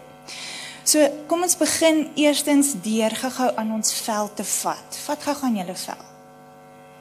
Nou doen my gou-gou guns. Tel gou-gou op. Vat een van hierdie selletjies asseblief en sit hom vir my op in die lig. Nou hierdie selletjie se naam is 'n keratinosit. Sê dit? Keratinosit. So keratinosit kom hierso op die epiteel, die epidermis. Maar nou gaan vir my bietjie dieper, grawe bietjie dieper. En dan kry jy vir my 'n ander selletjie. Nou in die middelste laag van jou vel het jy 'n fibroblas. So jy het keratinosiete aan die buitekant en fibroblaste in die binnekant. Nou, hoekom noem ek dit vir jou? Die vel, ek kyk na klomp verskillende goeters, na teenveroudering, pigmentasie, akne geneigde vel, ehm um, sensitiewe vel, rosacea, psoriase, keratosis pilaris, onthou nou, solar lentigins ensovoorts. So ons kyk na al hierdie verskillende goeters en dan gaan kyk ons hoekom hoekom begin die keratinosiete en die fibroblaste op sekere maniere te reageer. En het jy geweet as ek jou vel vandag uittrek en ek sit dit op 'n skaal, gaan dit enigiets tussen 7 tot 10 kg weeg. So die hoekom ek dit vir jou noem is die fibroblaste. Ek weet van julle sê miskien 'n 11 of 'n 12 kg. Yes. So ons kyk na na sekere verbindings van die vel wat jou vel elasties hou. Nou kom ons begin eers eh, deur te kyk na hoekom is jou vel so belangrik? Het van julle julle ID-kaarte of 'n paspoort hierso vandag? Nou as jy jou ID-kaart uithaal, 80% van daai fotootjie waarna ons kyk, is jou vel. Jou vel is jou mees publieke orgaan. Jy is jou mees dinamiese orgaan. This it's your most demanding organ. Rarig. Jou as iets fout is met jou vel, het dit 'n direkte impak op jou selfvertroue. Ek is seker miskien het vandag iemand nie opgedaag wat dalk 'n kaartjie gekoop het as gevolg van die feit dat hulle miskien 'n pysietjie het nie. Het van julle dalk al funksies gekanselleer as daar dalk 'n pysietjie of 'n ding kop uitsteek? Want dit het 'n direkte impak op jou selfvertroue. En dan die ander ding is jou vel is die enigste orgaan wat met jou kommunikeer. So watse orgaan dink jy gebruik ons om te kyk of het jy COVID of nie? Het ons mense gescan. Ek het nou ek het dalk die scan misgeloop. Maar jy kan by enige plek instap, dan hulle gou jou temperatuur meet. Dit sal altyd lagwekkend as iemand vir my sê jy 26.1. ja, ek en 'n paar ander wat alreeds nie meer hier is nie. Sê jou vel is regtig 'n verskriklike dinamiese orgaan en dink gou aan hierdie een. Jou vel is ook of kom ons noem dit so, die vel is die enigste orgaan wat veroorsaak dat wêreldoorloë plaasgevind het. Niemand beklei oor die hart of die brein nie. Niemand beklei oor die lewer of die niere nie. Ons ons beklei oor die vel en die tekstuur en die kleur. So dit is nogal 'n redelike veel eisende en 'n kragtige orgaan. En ek gebruik in ons laboratorium die vel as 'n diagnostiese orgaan om te kyk wat miskien is fout. Jy weet, dit is nie net 'n geval van jy het dalk 'n bietjie akne en pigmentasie en miskien is dit oor dat jy te veel tyd in die son spandeer en jou ouma het vir jou vertel hoor jy ek het te veel suiker geëet en nou het ek pysietjies en so aan nie. Dit dis nie hoe dit werk nie. Ons benadering is baie anders. Ons gaan kyk, het jy geweet die definisionele elemente van akne is eerstens verhoogde inflammasie en onthou nou die terme verhoogde prostaglandine, leukosiete, gran, granulosiete, sitokine, interleukin 1, 3, 6, 9, 12. Onthou? Dit het natuurlik ook 'n effek op jou vel se pH wat verhoog en begin fluktueer.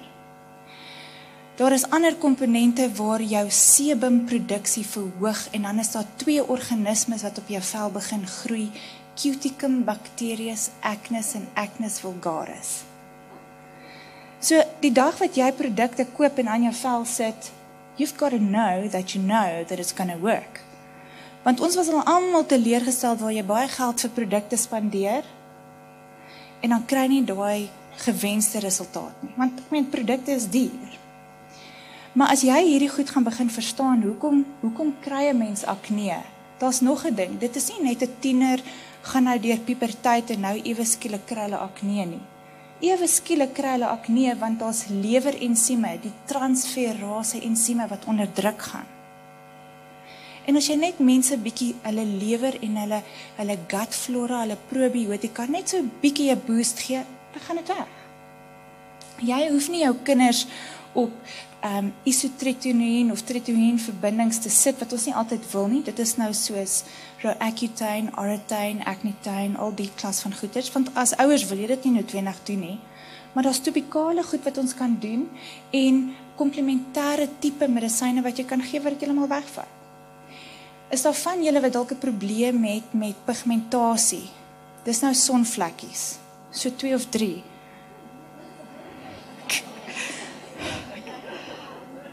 OK. Nou kom ek verduidelik gou pigmentasie. Pigmentasie is definitief onthou ek het nou net gepraat van keratinosiete hier aan die buitekant. Maar vir elke 20 keratinosiete wat jy het, het jy een melanosiet en 'n melanosiet is die selletjie wat wat pigment vervaardig. Nou ons kan pigmentasie kry as gevolg van die feit dat ons te veel buite in die son is ensovoorts en dan begin ons melanosiete pigment vervaardig want dit help ons vel beskerm. So dis een opsie wat sê hoorie nou jy 'n sonvlekkie. Maar wat gebeur het van julle al pigmentasie gekry tydens swangerskap? Nou dit noem mens melasma. Nou melasma staan ook bekend as the the pregnancy mask. Nou, jy weet jy kry ons hierdie breinlyn op die maag ook en dit staan bekend as linea nigra lyn. En die linea nigra lyn is suiwer as gevolg van die feit dat as jy pigmentasie kry, is dit jou vel se manier om met jou te kommunikeer oor die uh, ek is onder druk, nou vervaardig ek meer pigment om hierdie orgaan te probeer beskerm. En dan is daar 'n hormoon wat ons noem melanien stimulerende hormoon. En as ons 'n bloedtoetsie doen, dan sien ons hy's baie hoog. Al wat ons doen is ons bring net daai hormoon bietjie af en dan gaan die pigmentasie weg. Ons wys ook mense hoor jy daar sekere geneesmiddels wat ook baie druk op jou lewer sit wat geweldig baie pigmentasie veroorsaak. Ek is jammer om te sê antidepressante, slaappille, malaria medikasie, antiretrovirale, enige hormonale medikasie gaan verseker vir jou pigmentasie gee, ongetwyfeld. Ander komponente wat ook vir mense pigmentasie gee is is daar van julle wat lief is vir tomaties? As jy hou van suurerige kosse, partykeer sit dit ook bietjie druk op die lewer en dan veroorsaak dit pigmentasie. Niemand hou van pigmentasie nie. As ons bloedtoetsies op daai mense doen, dan sien ons hulle het metabooliese asidose.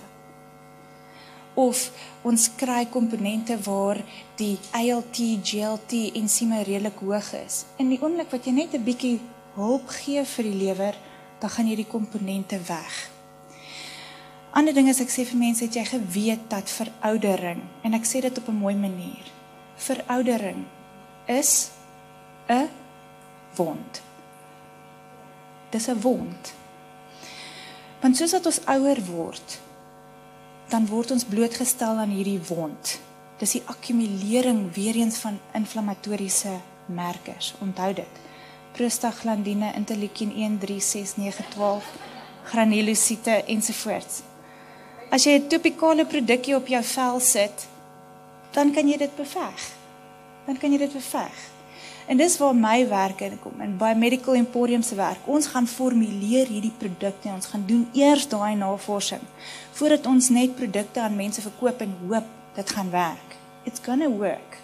Ons wil net hierdie kontak sessie met jou hê en kyk wat gaan aan in jou lewe. Vertel ons bietjie wat wat se medikasie jy drink, wat is jou eetgewoontes ensovoorts. Gelukkig alkohol speel nie 'n groot rol nie, hoor. Gelukkig. en ek en ek moet sê daar's ook nog nie genoeg literatuur om te bewys dat sjokolade en Coca-Cola veroorsaak akne nie. Daar's nog nie genoeg wetenskap om dit te bewys nie. Daar's ander wetenskap. Okay? Why do we do what we do? Because everyone deserves to feel comfortable in their own skin. The skin is your largest organ, it's your most dynamic organ. It never lies. At Biomedical Emporium, we make use of biological science, and our products help people from all walks of life, and the results really speak for themselves. It's that moment when someone looks in the mirror and someone new smiles back at them. It's like nothing else.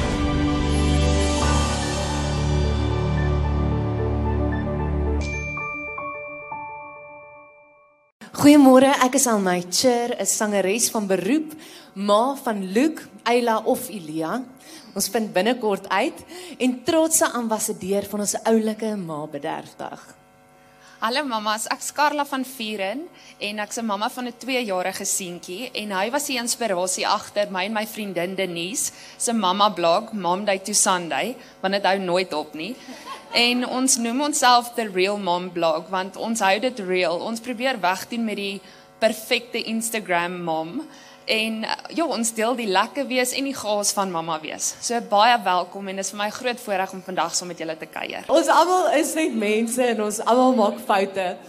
Um, maar hoe lekker is dit om by mekaar te kan leer en as saam as maas te kan groei. En dis waarom ek so opgewonde is oor hierdie boek wat ons vandag bekendstel. Foute wat selfs oulike maas maak. Ja. Kyk, ek het sommer normaal gevoel nadat ek hierdie boek gelees het. Ek, was veral mal oor die stukkie van Leonie Meinhardt wat vertel hoe belangrik dit is om jou kind toe te laat om hulle eie probleme te kan oplos. As ek sien my kind sukkel met iets, wil ek al ewig ingryp en help. En dit beperk eintlik hulle kreatiewe vaardighede om hulle eie probleme te kan oplos. En ek dink julle sal met my saamstem, is so 'n belangrike vaardigheid in vandag se lewe. So as hulle sê hulle wil self. ja. Moet jy net maar oor toe knyp en en hulle kans gee. Alhoewel jy weet jy volgende dag 'n movie se gemors gaan moet skoonmaak, maar solank hulle veilig is, is al seker net maar. Okay. Ja, verseker, ek sê en dit is deel van hulle tog deel van hulle ontwikkeling. So ek dink mense moet hulle maar toelaat. Ja, nee, ek sukkel soms met dit. Dis nogal 'n uitdaging. Um 'n gedeeltjie wat regtig nogals aan my hart geraak het was die een van Annelies van Heerden. Sy gesels bietjie oor hoe ons as ma's, ander mammas en kinders so maklik oordeel. As daai mamma met haar gymklere en haar tattoos by die skool opdaag, dan dink jy, "Ag, oh, sy het so baie tyd. Dis hoekom sy so mooi maar fietsse lyfie het." Of haar kind kry net wortels om te eet. Of dan nou die ander mamma wie se kind huilend op die grond neerval en 'n vloermoer gooi, dan dink jy, ag, as dit my kind was, het ek beslis vir hom 'n pak slaag gegee. Maar een ding wat ons moet onthou is dat elke mamma die beste vir haar kind wil hê. En die oomblik wanneer ons dit besef en besef elke mamma fight haar eie battle, dan gaan ons met soveel meer deernis ander mammas hanteer en ook onsself. Ons moet besef dat ons tog net op die einde van die dag die beste vir ons kinders wil hê. Dit is nie maklik nie en ons maak baie foute, maar onthou dit volgende keer voordat jy 'n ander mamma of 'n kindjie oordeel. Dis baie waar, Karla. Dis hoekom ek regtig mammas wil aanbeveel om hierdie boekie aan te skaf, of vir jouself of vir 'n vriendin. Dis regtig van ons skatbare waarde. Ja, ek stem met jou saam en is nou ook in e-boek formaat beskikbaar. Ehm um, as jy dalk dit op jou foon of tablet eerder wil wil lees of dan as jy terwyl jy gym toe draf, want dis wat ons doen En wortels eet. en wortels eet, dan um, is daar ook 'n audioboek beskikbaar. Jy kan sommer op 'n um, voelgoedwinkel.co.za gaan kyk op die aanlyn winkel en 'n uh, klein geheimpie, jy kry lekker baie afslag as jy dit daar koop. Dit is my ongelooflik lekker om vandag hier saam met julle te kan kuier en veral omdat dit oor 'n oor 'n onderwerp gaan wat my so na in die hart lê. Um Ek het ek wil net so vinnig kort ietsie met julle deel. So 3 jaar terug, amper tot op die dag Vanessa het ons in dieselfde lokal gesit. En ons het na Lindy Strydom geluister. Dit was Vanessa, as ek reg onthou, se 20ste verjaarsdagvieringe. En ek het op 'n stadium Lindy het gepraat en en en ek het so stirring in my gees gevoel. En ek het na Anelia toe gedraai en vir haar gesê dit is wat ek gaan doen eendag. Ek het gesê ek wil hierdie stem wat die Here vir my gegee het, wil ek gebruik om ander vrouens te motiveer en te inspireer. En amper presies 3 jaar later staan ek op dieselfde verhoog en ehm um, ja, so dit is vir my vandag 'n ongelooflike voorreg en so lekker om hier te wees. En dit dit is net weer bevestiging dat die Here in die fynste detail van ons lewens betrokke is. En dat sy tyd nie noodwendig ons tyd is nie. En dat ons baie keer langer moet wag as wat ons met persoonlikhede soos myne wil wag, maar ehm um, dat as die tyd reg is en die Here het iets in ons hart gestuur dat hy dit tot tot volvoering sal bring op sy tyd. Ehm um, my grootste hoop vir vanoggend se funksie en as jy hier wegry vandag is dat jy net weer sal onthou hoe spesiaal jy is. Dat sal dat jy sal weet dat jou genoeg werklik genoeg is en dat jy met sagter oë na jouself sal kyk. Um al die sprekers vandag het so mooi daaroor gepraat om mooi na om mooi na jouself te kyk en dit is so so belangrik. So ek wil net gou ons dan weer vir 'n rukkie gesit. Ek wil julle almal moet opstaan. Die introverte kan ontspan. Julle ons gaan nie nou dans nie. Ek is ook nie een vir daai nie. Guys, so ek gaan net so 'n paar van my van my momvel oomblikke met julle deel. En dan as jy kan um relate met enige iets, dan mag jy maar sit. Okay. So, wie van julle het al jou babatjie soos jy hom in die kar sit sy kop teen die teen die kant van die kar gestamp as 'n karsvoetjie? amper die helfte van die saal. Dankie. Kyk, wie van julle het vir die eerste keer ver oggend jou hare gewas en uitgeblaas en nie in 'n mamban vasgemaak nie? Sunay, joune is nog steeds in 'n mamban. Ja, jy moet sit, Sunay. Kyk, wie van julle het al meer as een keer hierdie week wegneem etes vir julle kinders gegee om te eet? Sjoe, hier's 'n paar oulike mammas hier. Wie van julle het al met pantoffels julle kinders by die skool afgelaai? Ha? Wie van julle het al jou kind se juffrou se verjaarsdag vergeet?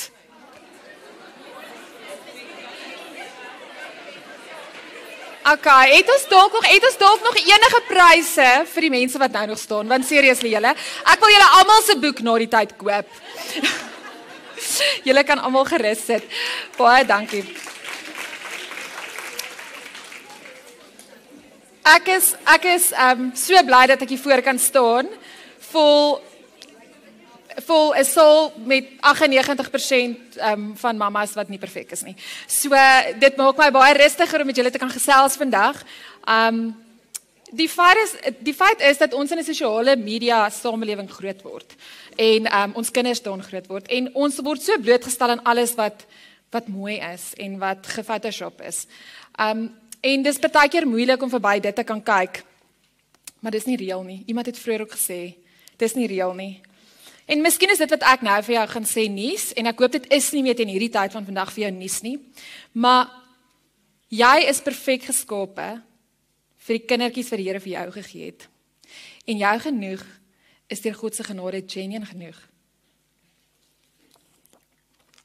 So ek moet bieg op 'n stadium um, het ek kinderpartytjies nogals bietjie angs gekry as ek na kinderpartytjies toe moes gaan. Want buite die feit dat meeste van hierdie partytjies lyk soos iets uit 'n tydskrif uit, um het die mammas, het die mammas alles vergelyk.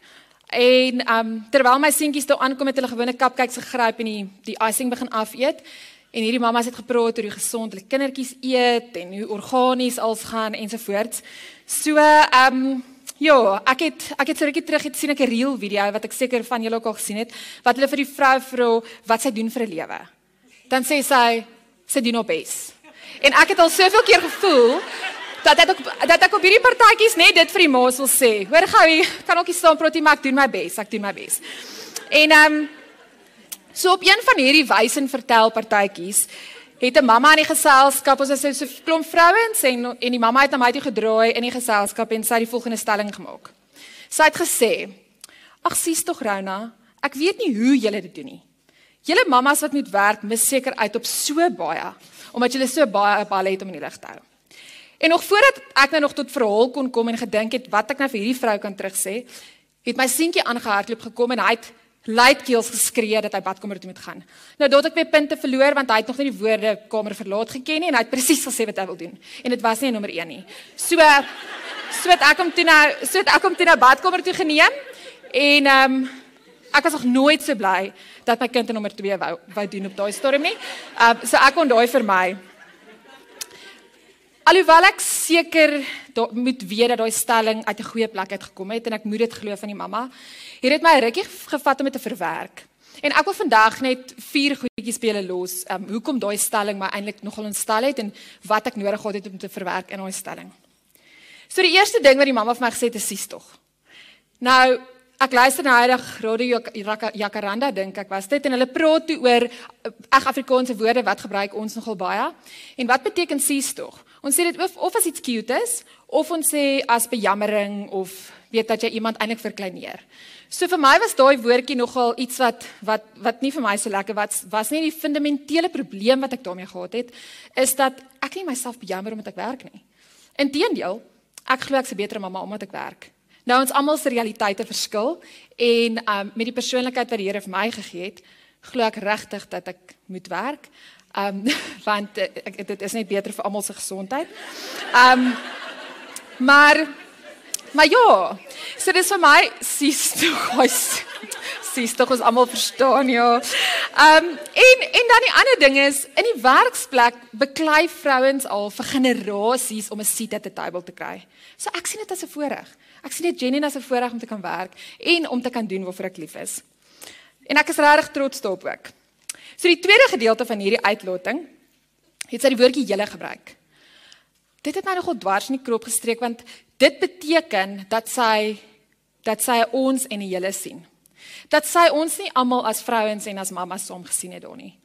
En dit is vir my nogal 'n issue, een wat een wat ek dink te min aangespreek word. Ons is almal mammas. En ons almal gaan deur dieselfde tipe dinge. So ehm um, vir my is daar nie 'n julle of hulle nie. Vir my is daar ons. En ehm um, dit is vir my ongelooflik om te kan sê dat ek 'n village het want ons het dit nodig. It takes a village to raise a child. Um en dit is dit is absoluut waar. My village is vandag hier. Dis 'n klomp van hulle en ek is so dankbaar.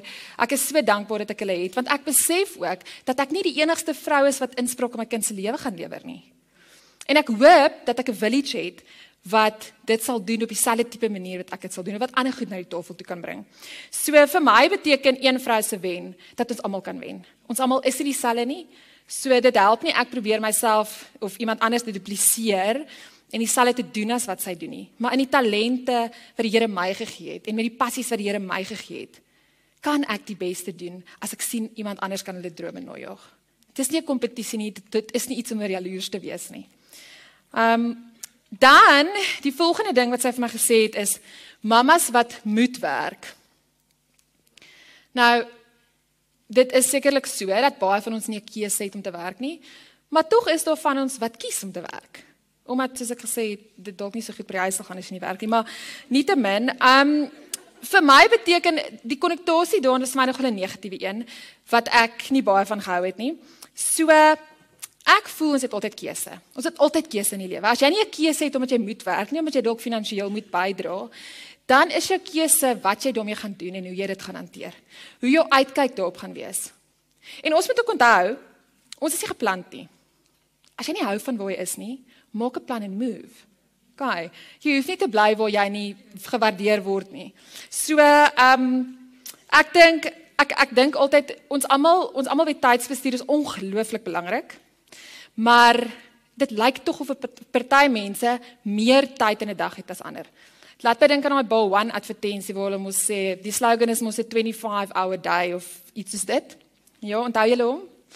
So, ehm um, ek dink net wat belangrik is is om ons tyd baie effektief te kan bestuur veral as ons werkende mammas is.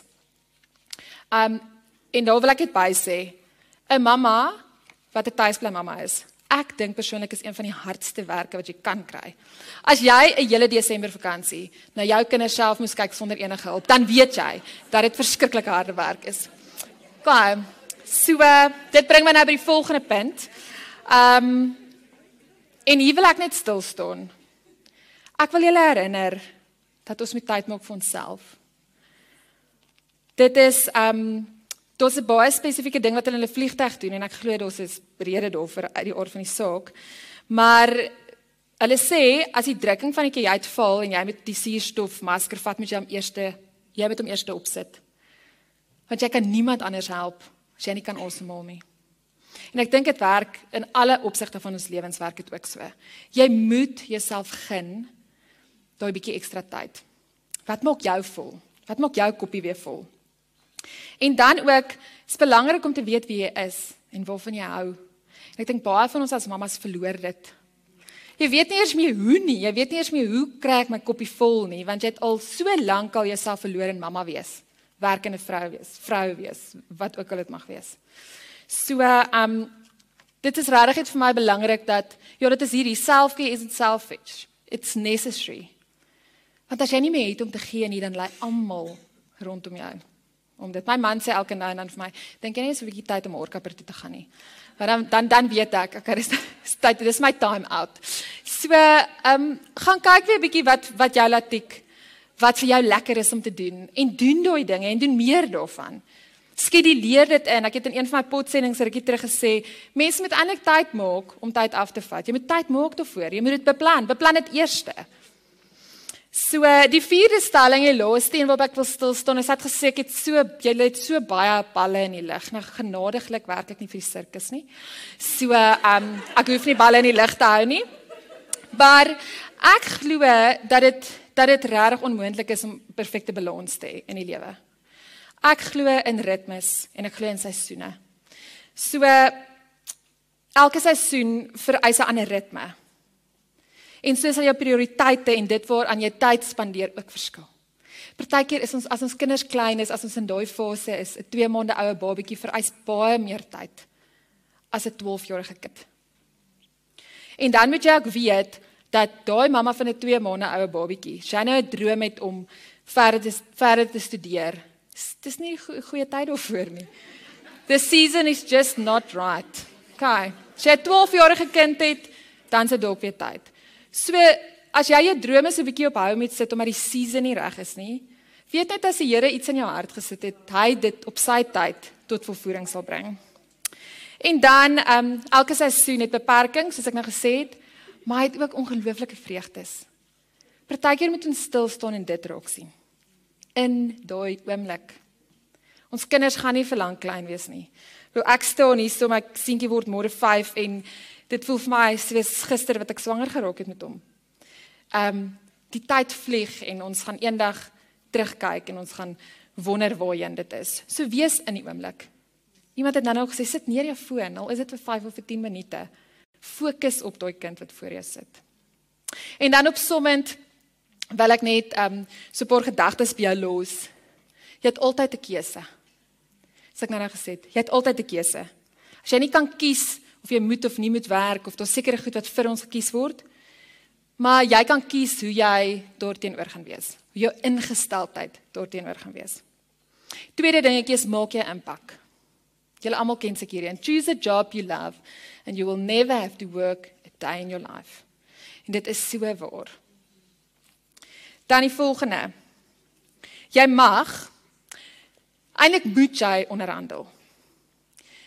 Ellen Platt sê as jy weet wat jy wil hê, kan jy daarvoor vra en en dis wat ek nou nou gesê het. Kom terug by wat wil jy hê? Want jy kan nie daarvoor vra as jy nie weet wat dit is nie. Dan gaan jy altyd in jou werk ongelukkig wees.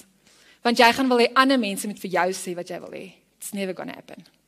Kyk, so wees seker van wat jy wil hê. Doen introspeksie. Sit tyd uit saam met die Here in sy woord, in stilte tyd.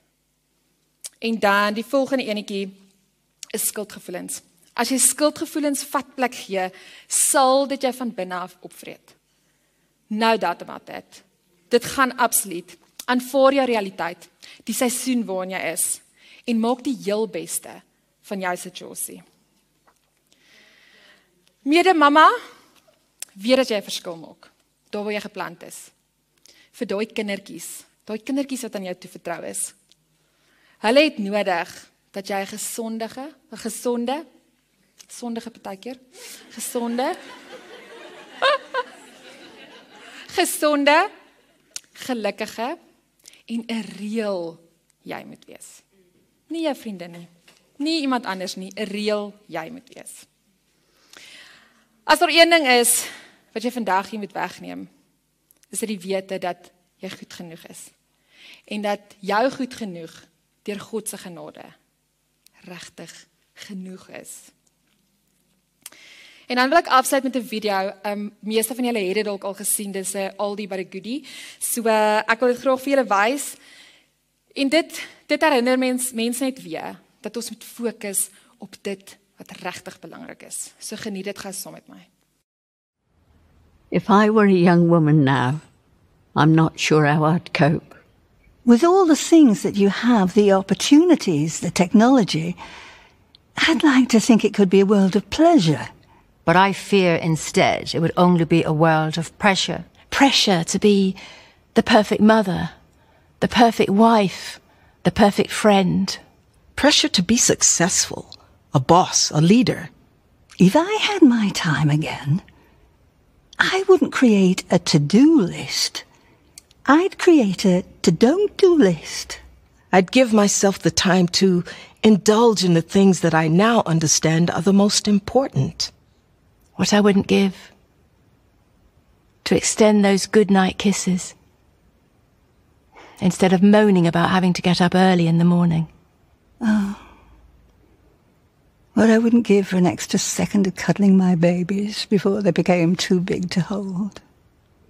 What I wouldn't give for five more minutes on the dance floor while my legs were still strong enough to carry me. And this isn't about stopping our fight for equality. Mine was a generation who burnt their bras. But we were never in danger of burning out. No. This is simply about you as a human being. There's the most important word being. Being lost in the moment. Being at peace with the world. Being kinder to myself. Being kinder to others. Being able to let go and being proud to do so. Believe me, if I were a young woman now, I'd spend more time being. Not doing.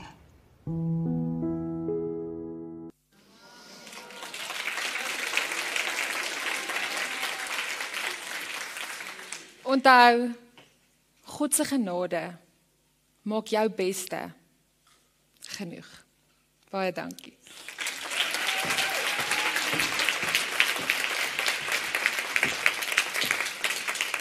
Hallo Maas, ek is so bly ek het hierdie geleentheid om met julle te kuier vandag en ek kom jou uitdaag om jou natuurlike ma wees te omarm, te aanvaar en die beste te maak van jou DNA as 'n ma.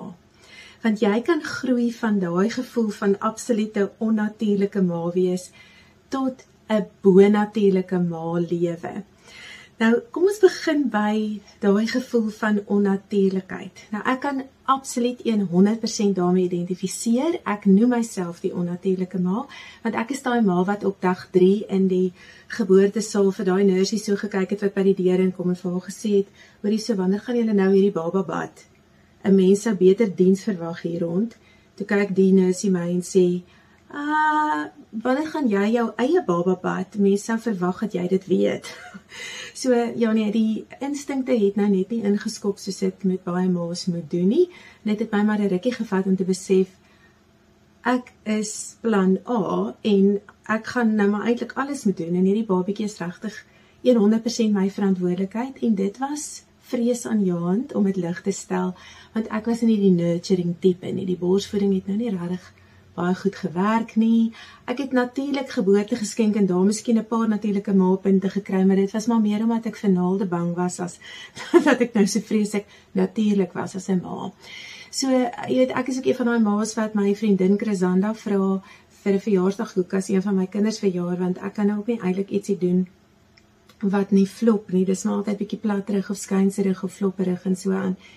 En so kan ek 'n lang lys dinge opnoem wat eintlik maar net bewys het ek is dalk 'n natuurlike dissiplineerder en 'n natuurlike tuiskoolma soort van maar ek sien nie eintlik die moederlike soort nie. Nou waar ook al jy jou natuurlike maapunte verloor het, miskien het jy epidurol gehad. Hoe kon jy? Ek trek minus 10 punte vir jou. Jy weet of miskien het jy gaan werk toe jou babatjie 2 weke uit was en 'n hele paar mense het vir jou daag punte afgetrek. Wel, hier gaan ons almal nou saam diep asemhaal en sê ons elkeen doen die beste met wat ons ontvang het en ek wil gou vir jou wys wat is die beste wat jy as ma ontvang het ongeag waar in die woud jy nou hoort. Nou, julle weet nou al ek is die boomtannie, so natuurlik gaan ek met jou praat oor of jy bietjie roosbomerig is, of jy 'n palmboomhaal is, 'n suurboomhaal of 'n denneboomhaal. En nou weet jy ook temperament beteken mengsel, nê? So ons is elkeen 'n unieke kombinasie van hierdie vier bome. Party van ons voel so half asof ons 'n uh, verkleermannetjie op 'n smartie boks is wat ons het 3 of 4 van hierdie bome in verskillende aspekte van ons natuurlike DNA as 'n ma. Nou ek het 3 soorte hier bymekaar. Ek het alles behalwe denneboom. So ek is 'n kontraden. En die denneboom is nou juist daai moederlike ma. so ek was gedoem. Ek het nou net nie van daai nie. En ek is absoluut in awe as ek kyk na die denneboom ma wat net kan wees en kan jy weet sy's basies 'n canvas waarop haar kind haar lewe kan verf. Dit is 'n ongelooflike ding om te aanskou as iemand regtig 'n natuurlike ma is. Maar okay, kom ons kom ons kyk net na elke ma se ongelooflike gawes. So kom ons begin by jou as 'n roosboom ma. Nou as jy 'n roosboom ma is, dan jy blomme en dorings. Dit beteken jy kry allerlei goedjies gedoen teen 'n redelike spoed. Jy is go go go en uh jou kinders gaan presteer want jy gaan seker maak hulle word um altyd boontoe gestoot, vorentoe gestoot, opgetel, aangejaag ensovoorts. So jy kry raas by ander ma's. Hulle sê, "Ag, sies tog man, sy's net 2, rustig nou mamma, daar's nog baie tyd" ensovoorts. So as jy daai ma's wat gereeld gesê word, "Kalmeer nou, die kindjie is nog klein," dan dan is jy waarskynlik 'n roos. Maar weet jy wat is amazing van jou? Jy maak jou kinders groot nie vir Disney nie, maar vir die regte lewe jy dink vooruit, jy dink jong, gaan mens hierdie ene in diens kan neem want want hier's nie baie verantwoordelikheid sien nie en dan maak jy werk daarvan. Dan maak jy daai kleintjie verantwoordelik. Jy verwag van hulle om so 'n bietjie groter te wees as wat hulle klaar is want jy sien potensiaal en wat dit ook al vat, jy sal opoffer om daai potensiaal te ontwikkel. Jy sal na 'n ander provinsie toe ry vir hierdie les of daai coach of daai tutor want jy gaan as daar net 'n is 'n skyntjie is, net so 'n ou flikkertjie van 'n talent, dan gaan jy daar inklim en jy gaan hierdie ding vat tot op Olimpiese vlak want dis wie jy is, jy's ontwikkel daar. Jy's baie eerlik. As jy nou kan agterkom, okay, nee, hierso is nou nie sing gene nie. Dan gaan jy nou nie wag tot Simon Cowell by 'n Idols audisie vir jou kind sê skadeboe, jy kan nie sing nie. Jy gaan dit sommer self doen. Jy gaan sê, "Liefie, ons gaan kyk vir ietsie anders, hoor, maar hierdie singery gaan nou nie job nie." Jy leer ook jou kinders hoe om hulle aan gesag te onderwerf. Dis nog 'n belangrike ding hoor. Want maak nie saak of jy die president is nie, gaan nog altyd SARS bo jou hê. Jy's nooit heeltemal die top dog nie. En om te kan werk met reëls of jy daarvan hou of nie, is iets wat jy jou kinders leer want jy is daai ma wat sê om dit ek so sê.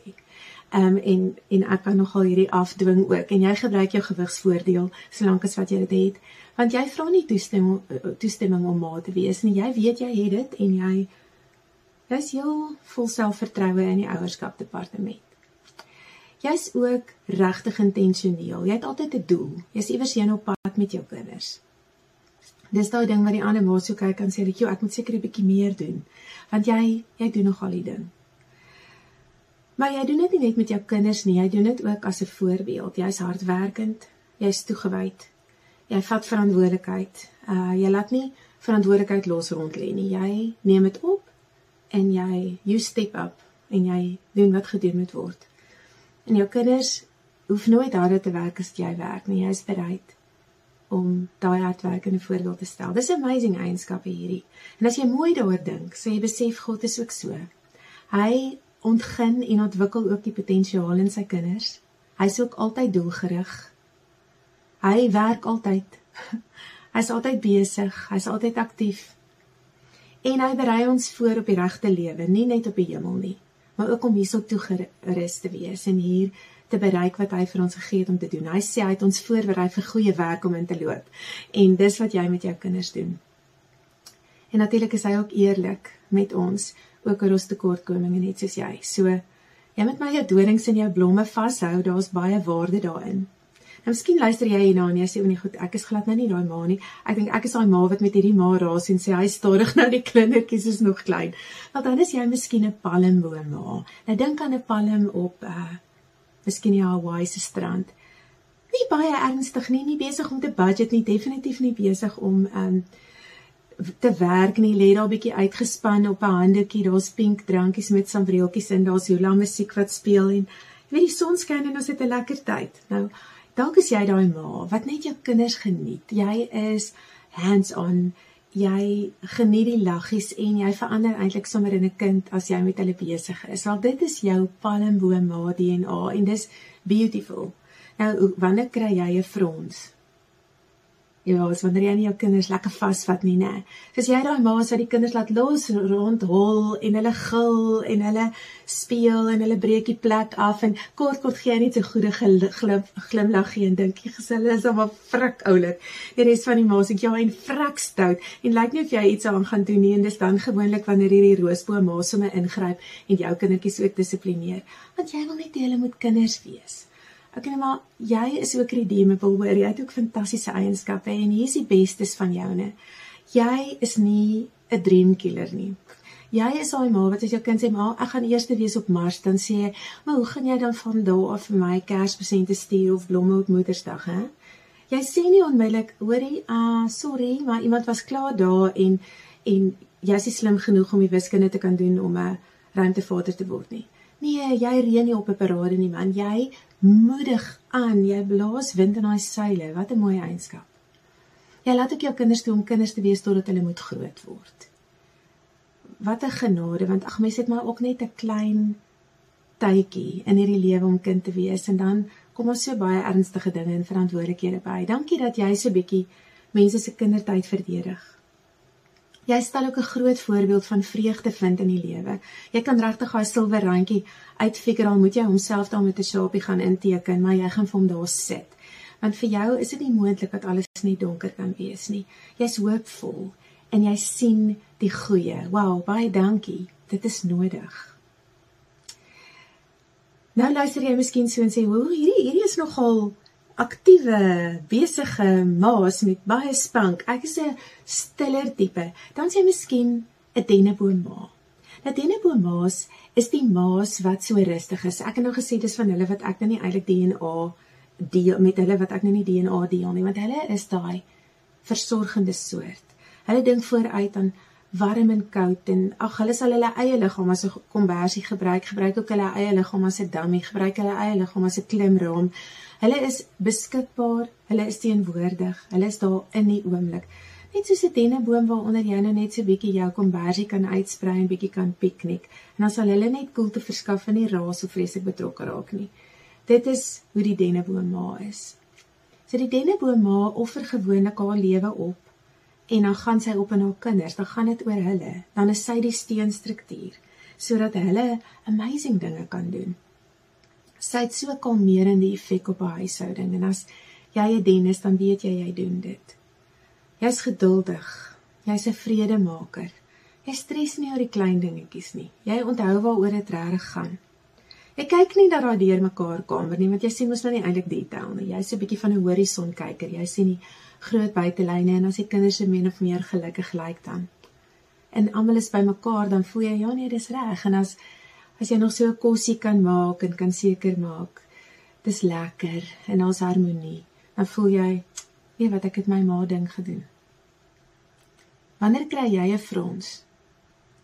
Dis maar gewoonlik wanneer jy so min verwag en wanneer jy nou nie daai talente ontwikkel nie en waar jy sê ag man laat die kinders net 'n bietjie ontspan en wanneer jy nie by alles betrokke raak nie en wanneer jy nie jouself vir elke komitee opteken nie en wanneer jy nie jou kind in elke aktiwiteit inboelie omdat hy nou sewe winter en sewe somer talente moet ontwikkel nie. As jy nou net so bietjie daai advokaat is wat sê rustig man rustig. So vir deur die lewe te jaag nie dit gaan oor die journey. Ja dis dan wanneer ons vir jou vir ons sê nee dit gaan nie oor die journey nie. Iemand moet wen en eerste aankom. Ja, die res van ons is so bietjie simpel nê. En jy staan daar as jou denneboom al bo op die heuwel en jy kyk so na ons wat so in sirkels hol. Dan sê ons vir jou kom hardloop saam met ons. Dan sê jy, "Vir wat? Julle gaan in sirkels.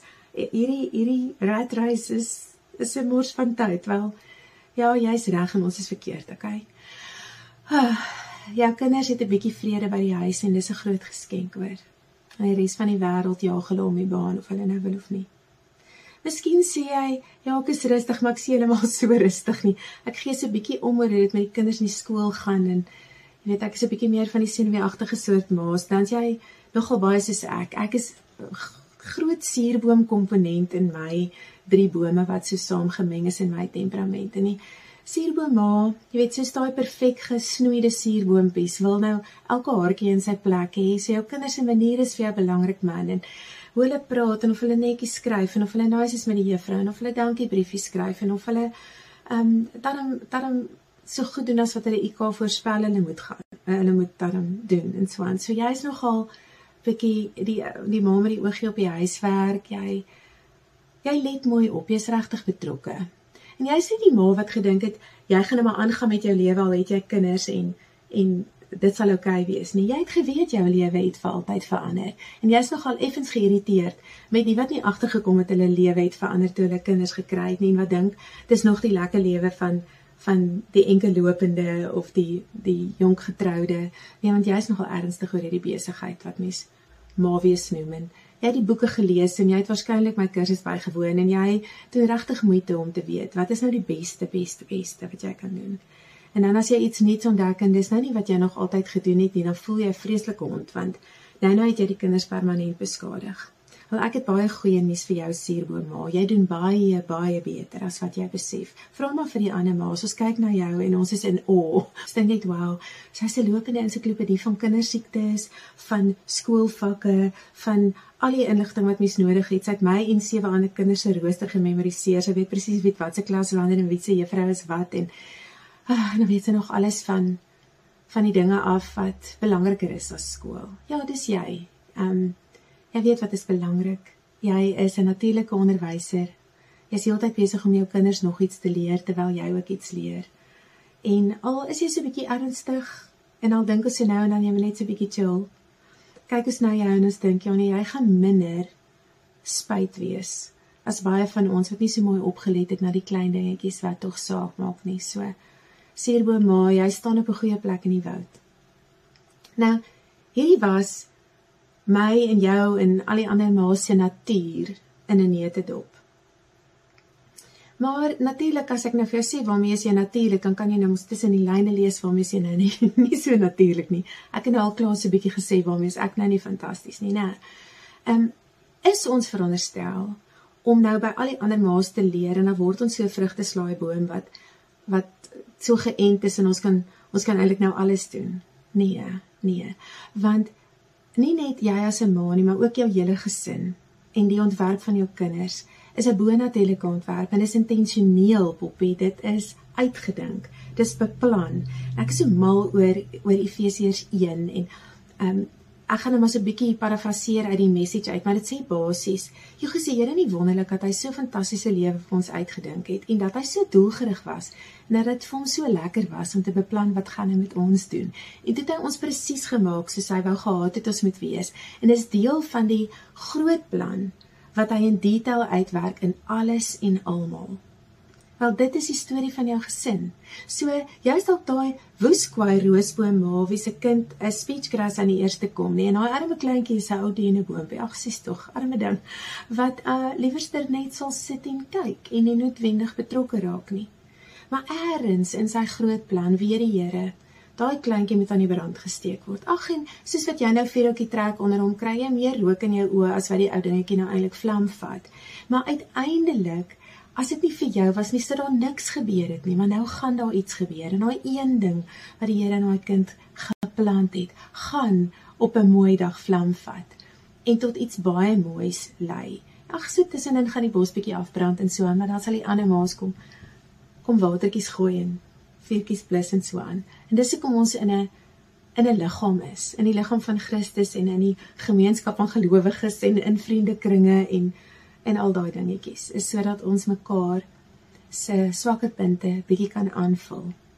Maar hoekom 'n mens nou van onnatuurlik voel na sê, "Oké, okay, oké, okay, ek hoor nou wat se boom is ek, ek sal dit nou aanvaar. Ek gaan nou my natuurlike aard gaan ek nou omarm, ek gaan dit nou aanvaar. Okay, dan gaan ek nou 'n natural wees. Ek's nou 'n natuurlike roosboom, ek's 'n natuurlike suurboom. Maar wat is hierdie bo-natuurlike maawees ding van jou? Nou dit is wanneer daai vreeslike goed in ouerskap gebeur waar ek en jy so 'n bietjie aan die einde van ons boom kom. Maak nou nie saak wat se ene dit nou is nie. En ons is nou behoorlik verlep want ons kry nie oorwinning nie. Ons kind wil selfmoord pleeg. Uh ons kind het glad nie maatjies nie. Um ons kind kom in groot moeilikheid, steek die hele familie in die skande met een of ander ding. Of ons kry net nie verhouding gebou met daai kind nie. Daar's net nie connection nie. Wat ook al daai groot hartseer in jou woud is. Um dis wanneer ons aan die einde van onsself kom en dan moet ons intap in iets baie meer as net ons natuur. En dan is daar 'n paar waarhede wat 'n bonatuurlike ma dan weet. En die eerste ene is God skryf die storie. En weet jy as jy nou kyk na daai kind wat jou hart nou op hierdie oomblik laat bloei en ons gewoonlik sit ten minste eenetjie in jou huis en dan net jy dink dit gaan beter aan. Daar's daar 'n nuwe drama. So waar ook al jou hart se punt nou na toe trek, daar waarvoor jy nou op jou knieë is, nou daai ding. Dis net een rampie. Dis so freeze frame van die fliek wat die storie is van julle gesin. En as jy nou daarna kyk dan sal jy dalk sê, "Jeg, Here, hoe kan U dit toelaat? Here, my gesin is stikkend. Here, my kinders is nie oukei nie. Here, ek het misluk as 'n ma. Onthou asseblief, dis net 'n pause knoppie waarna jy nou kyk. Jy kyk nou net na een rampie. Hierdie is net 'n episode, dis nie die storie nie. God skryf graag stories in ges gebroke gesinne. Jesus het daar wesige pa gehad, ons weet nie presies hoekom nie, maar hy was nou nie reg daar nie. Toe Jesus 13 was, moes daai ding al gebeur het waar al die manne bymekaar staan en hulle moes vir Jesus geroep het en Josef moes gesê het, "Daai is my seun vir wie ek lief is en wie ek welbehaag het." Maar dit het eers met Jesus gebeur toe hy 30 was. En dit was omdat daar op 'n krusialtyd van sy lewe nie 'n pa figuur was nie. Dink bietjie aan ma's wat nie kon kinders hê nie, wat so lank gewag het. Dink aan enkel ma's in die Bybel, dink aan gebroke vrouens in die Bybel. Daar is soveel voorbeelde. En bo daai gebrokenheid wil wil die Here 'n mooi storie skryf. So moenie nou moedeloos word as vandag se episode ehm um, soos 'n erge seepie voel nie. Die Here is nog besig en uiteindelik is daar nie 'n gesin wat hy nie kan gesond maak of 'n kind wat hy nie kan herstel nie. Die tweede ding wat ons moet weet is is uit weet is uiteindelik dat die Here nie vir jou as 'n uitstalstukkie wil op 'n verhoogie sit en sê so met 'n ma wees nie. Ek ek sou graag wou hê hy moet dit doen en ek sou graag wou hê hy moet dit met my doen. Maar hy doen dit nie. Um, hy los my so met baie van my foute. En dan skryf hy 'n storie van vernuwing in plaas van 'n storie van perfeksie. So jy weet daai posisie van savior of the world, it's been taken. Daar's klaar iemand wat die foutlose lam is, die foutlose voorbeeld. So pressure of you. Dis nie wie jy veronderstel is om te wees nie. Die derde ding om te besef is ek en jy as ma speel net 'n storie 'n 'n 'n rol in die storie. En ons moet amper soos iemand wees wat braaf genoeg is om te sê, Here met my as ma, met my kinders, met my man, met my hele ou storie, wil ek graag hê u moet iets vertel van jouself vir die wêreld. En ek weet nou nie presies watter rol u vir my gee nie, maar ek hou nou my hand uit en u kan nou vir my my skrip, my draaiboekie so in my hand sit. En wat ook al daai lyntjies is wat ek moet lees, ek sal dit lees in hierdie storie. Dis wat Maria moes doen. Sy het daar heel aan die begin met geen idee van hoeveel mamma pyn sy voorin is nie, het sy gesê, Here doen met my soos wat U wil. Ek sal U diensmaagd wees. So ek wil jou, ek wil jou uitnooi maak so my handjie. Ek gaan ook so maak. Dan sê jy, Here, ek sal my rol lees. Want jy kan weet dat hy beloof dat alles wat met ons gebeur uiteindelik ten goeie meewerk. Ook ook jou moeilikste moeilikste ma dag van jou hele lewe kan ten goeie meewerk. Die ander ding is dat maak nie saak hoe hard ek en jy probeer probeer om 'n blink toekoms vir ons kinders te bou met die beste skole en die beste dit en die beste dat en die duurste sis en so nie. Ehm um, dis uiteindelik die Here se guns wat ryk maak in die lewe. En dis ryk in die breë sin van die woord. Ryk aan dit wat regtig saak maak. En sy guns is onvoorwaardelik net soos ons verlossing. Ehm um, daar's vir jou kind 'n plekjie in die son. Nie oor wat jy doen nie. Nie oor waar hulle eendag in graad vang nie. Nie oor waar jy woon vandag en waar jou huis gebou is nie. Maar omdat hulle die guns van die Here het. En wanneer daar uitbranding is in daai hoekie van die woud waar jy en jou kinders geplant is, kan jy weet dit is God self wat dit kan omkeer en nie jy nie. So daar gaan oomblikke wees en ma wees wat jy nie die antwoorde gaan hê nie. Dan mag jy 'n handdoek ingooi, mag huil. Jy mag mense bel. Jy mag sê, "Help, ek weet nie meer vorentoe nie." Want die Here wag baie dikwels vir daai oomblik. Daar is nie 'n manier om jou kind 'n toekoms te gee wat nie deel is van jou kind se ontwerp nie. So die ander ding wat 'n bonatuurlike ma doen is om die ontwerp van haar kind ten volle te aanvaar en te soek na die plek in die son waar die Here graag wil hê daai kind neergesit moet wees. En laastens, bonatuurlike ma's weet dat hulle nie so belangrik of so sterk is dat hulle foute hulle kind se lewe totaal kan verwoes, hulle kind se toekoms kan ontwrig nie. Die Here het nie vir jou soveel mag gegee nie, ma. En dit is 'n troos. Ons kan baie skade doen en ons kan seermaak. Maar daar is nie iets in die Here se ekonomie soos permanente skade nie. Soos jy vandag hier sit en en jy het miskien vandag meer as een boodskap gehoor. Jy het dalk vanoggend in jou stilte tyd in 'n spieël gekyk waarvan jy nie hou nie. Jy is dalk eers op 'n mamma groepie en kort kort lees jy 'n ding en jy dink, "O, oh, ek doen nie dit nie of oh, ek het ook daai fout gemaak." Ek wil hê jy moet nou diep asemhaal, dit langs jou neersit en jou fokus skuif van jou onnatuurlike deur jou natuurlike ma wees tot by hierdie bonatuurlike plek waar jy kan sê, Here, dankie dat ten spyte van wat ek verkeerd gedoen het en nie eers te dank aan wat ek reg doen nie, maar absoluut alleen uit genade gaan u wonderlike dinge doen met elke een van my kinders. Wel as jy nog sukkel om hierdie te glo en jy sukkel om om hierdie vas te vat in jou eie te maak, dan wil ek jou uitnooi om my te kontak sodat jy op een van my ouerskaproetes kan klim. Daar's verskillende paaie wat ek so graag saam met jou wil loop. So kom asseblief na hettybrits.com, hettybrits.com en kom neem deel aan my ouerskapprogram. Kom vra vir my boek Onnatuurlike Ma en kom leer waarom jy die beste ma vir jou kind kan wees. Kom skakel elke een van jou emosionele intelligensie gene aan op my EIA program wat ek saam met 'n paar vennote saamgestel het sodat jy as 'n ma ten volle jouself kan word en daai volheid kan aangee vir jou kinders. Ek sien uit om jou te ontmoet op een van my bladsye of op my webwerf en intussen hou asseblief vas aan hierdie waarheid dat jy bonatuurlik onnatuurlik natuurlik ma is.